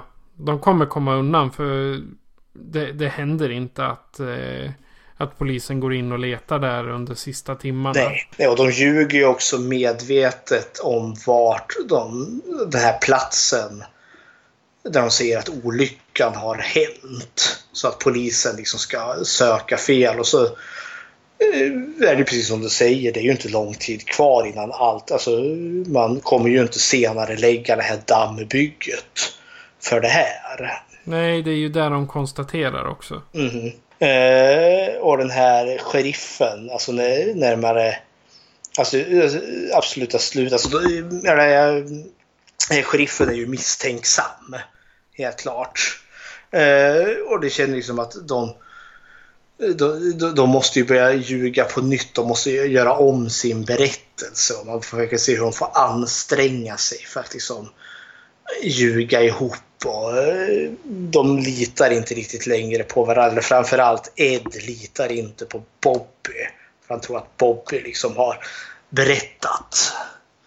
Och det har han ju inte. Men ja, man känner ju liksom att den här vänskapen som fanns när de kom dit, alltså den är förstörd vid det här laget. De kommer inte tillbaka från den här resan från, ja, som bättre människor. Nej, kan jag inte påstå. Alltså vänskapen är, är, säkert kvar men, inte, men den är inte lika stark som den var nej. när de åkte. Mm -hmm. Så. Jag tänker nästan det absolut sista som händer är ju att den här sheriffen som jag upptäckte, för den här den sista färden, Deliverance, är ju baserad på en bok.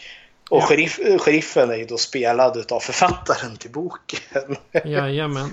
Jag tolkar ju liksom som när han, han kikar ju, han står och tittar in i Eds bil där och liksom säger, ställer frågor till honom.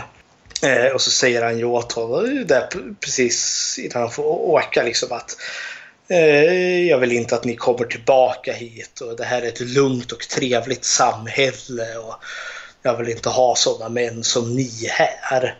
Alltså, jag, jag, det, det är inte så jag kanske ser, men jag parafraserar. Men alltså, jag tolkar det som att sheriffen har ju räknat ut att något, någonting eh, fel har hänt där ute i floden. Han kan bara inte bevisa det. Han liksom vet att de har gjort fel någonstans. Ja. Ja. ja eh, har du något intressant eh, fakta? Nej, jag, jag har bakat in lite redan. Alltså det enda liksom intressanta fakta jag har om den här är väl att förutom John Voight som spelade Ed där så ansträngde de ju verkligen sig för att hitta liksom relativt okända skådespelare med just den här motiveringen att liksom publiken skulle inte känna sig säker saker. Man skulle inte veta vilken karaktär som klarar sig eller inte klarar sig. Eh, och det vart ju värsta genombrottet för de flesta utav de här karaktärerna med undantag för John Voight för han var ju redan känd vid det här laget. Och framförallt vart det väl i, verkligen ett skjuts i karriären för Burt Reynolds som spelade Lewis. Ja, han gick ifrån... Eh, för innan, innan eh, den här Deliverance eh, så var Burt Reynolds, han var B-skådis och tv-skådis. Mhm. Så att det var liksom här han flippade på kortet och vart A-skådis eller vad man ska säga. Men han gjorde inte så mycket mera skräck efter det. Han gjorde ingen Nej. skräck alls. Utan det var mer det här Smokey and the Bandit och lite drama. Men eh, däremot så kan man höra honom i GTA Vice City. Jaha, okej. Han är en av rösterna. Jag ser där. Så Jag, kommer, jag, jag hittade inte till vem utan det står bara att han är röst. Ja, ja. Jag skulle ju ens undra, jag skulle nu kanske inte ens vilja kalla Deliverance för en skräckfilm heller. Utan det är ju mer utav en thriller.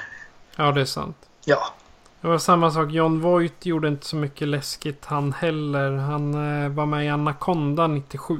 ja just det. Han blir uppäten av anakondan i hull och hår där. Precis. Det är typ det enda läskiga han har gjort därefter. Men, ja, lite crime och sådana eh, har han gjort.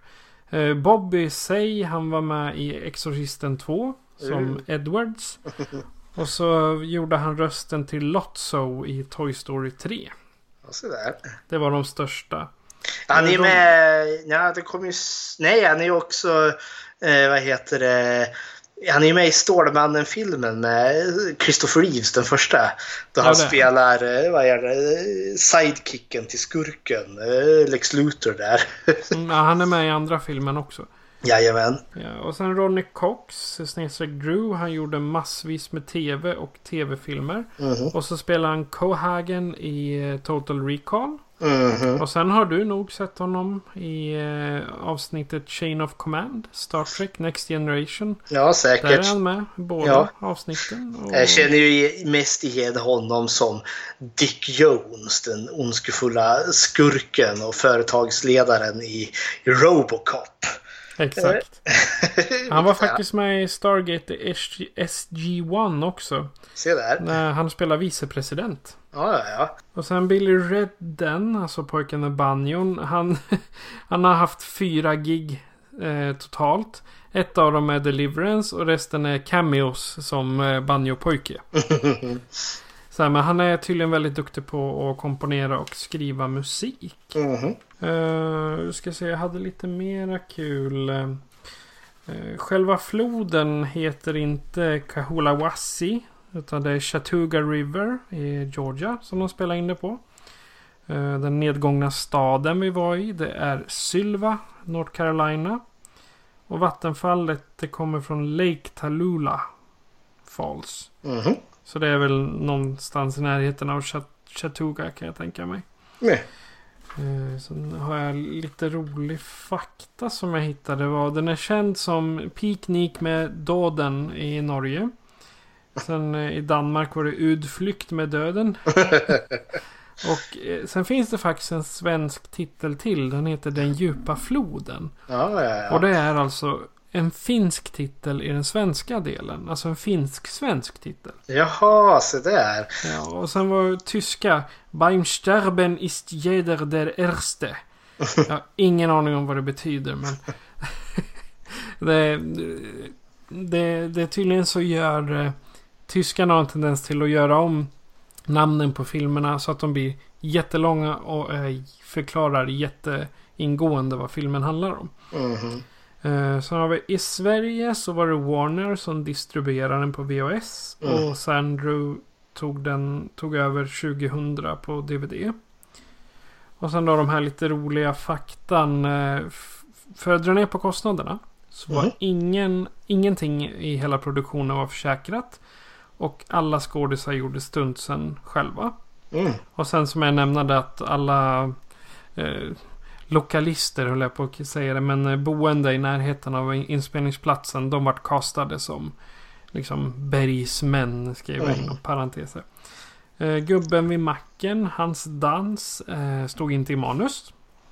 Eller han, han, han, han fick feeling där i banjoduellen och rev av ett litet danssolo där. Exakt. Och sen Banjo-duellen var också den första scenen de spelade in. Okej. De började med den helt enkelt. Coolt. Ja, precis. Eh, och kanoterna de finns att se på Burt Reynolds museum. Ja, ja. Så Det är där. kul.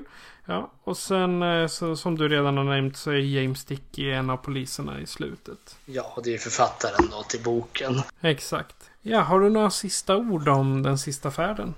Nej, alltså jag tycker det här är en fantastisk... Alltså det, jag, jag tänker gå så långt och säga att det här är ett mästerverk till film och jag tycker att man bör se den trots att vi har liksom gått igenom filmen i nästan eh, obehagligt mycket detalj. Eh, jag hade mer att berätta om den här filmen än vad jag hade om min så kallade inom situationstecken fakta-del. Det är för att jag eh, tycker den här filmen är så fantastisk. Jag rekommenderar alla att se den. För det är som sagt en sak att höra oss snacka massa om det. Eh, och jag känner mig liksom... Jag, eh, det är så svårt att vad heter det, förklara en känsla. Men den här filmen är helt fantastisk. Eh, och jag, ja, ser den. jag kan verkligen rekommendera den för den som verkligen är så filmcineast och liksom vill ha en upplevelse till en film. För det här är verkligen en film som verkligen går, som, som följer med genom livet. Ja. Det är några som eh, håller med dig. Vi har Kevin, han skriver riktigt bra film. Hemsk och läskig känsla genom hela filmen utan att det är en skräckfilm. Eh, så har vi Mikael, bland de bästa filmerna i sin gener någonsin.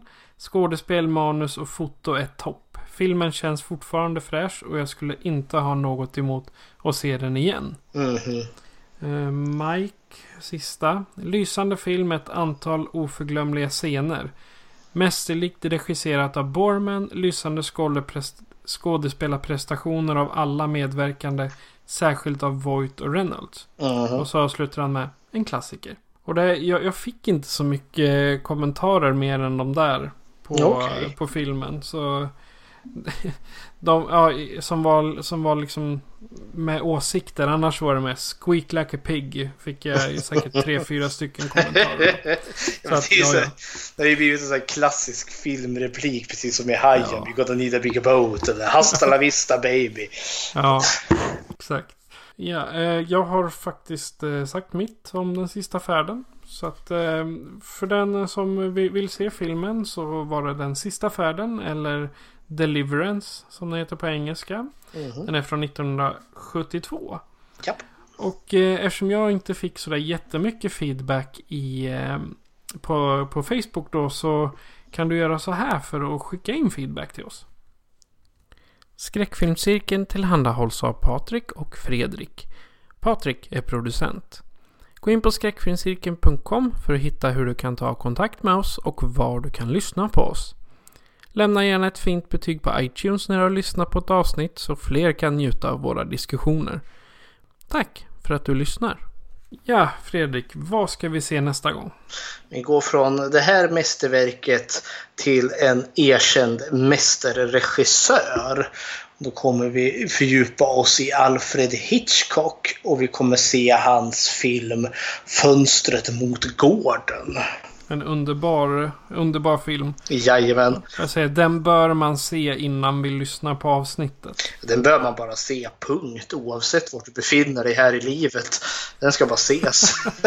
Ja, det, vi har bara en sak att säga och det är att eh, jag heter Patrik. och jag heter Fredrik. Du har lyssnat på Skräckfilmscirkeln. Adjö. Adjö.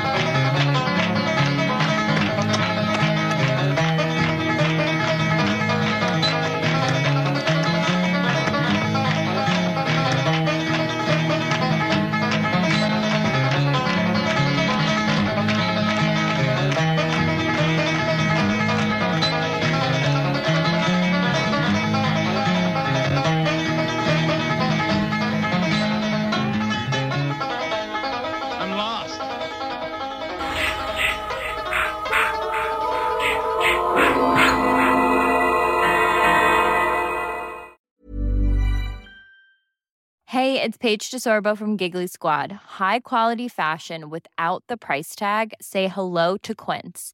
I'm snagging high-end essentials like cozy cashmere sweaters, sleek leather jackets, fine jewelry, and so much more. With Quince being 50 to 80% less than similar brands.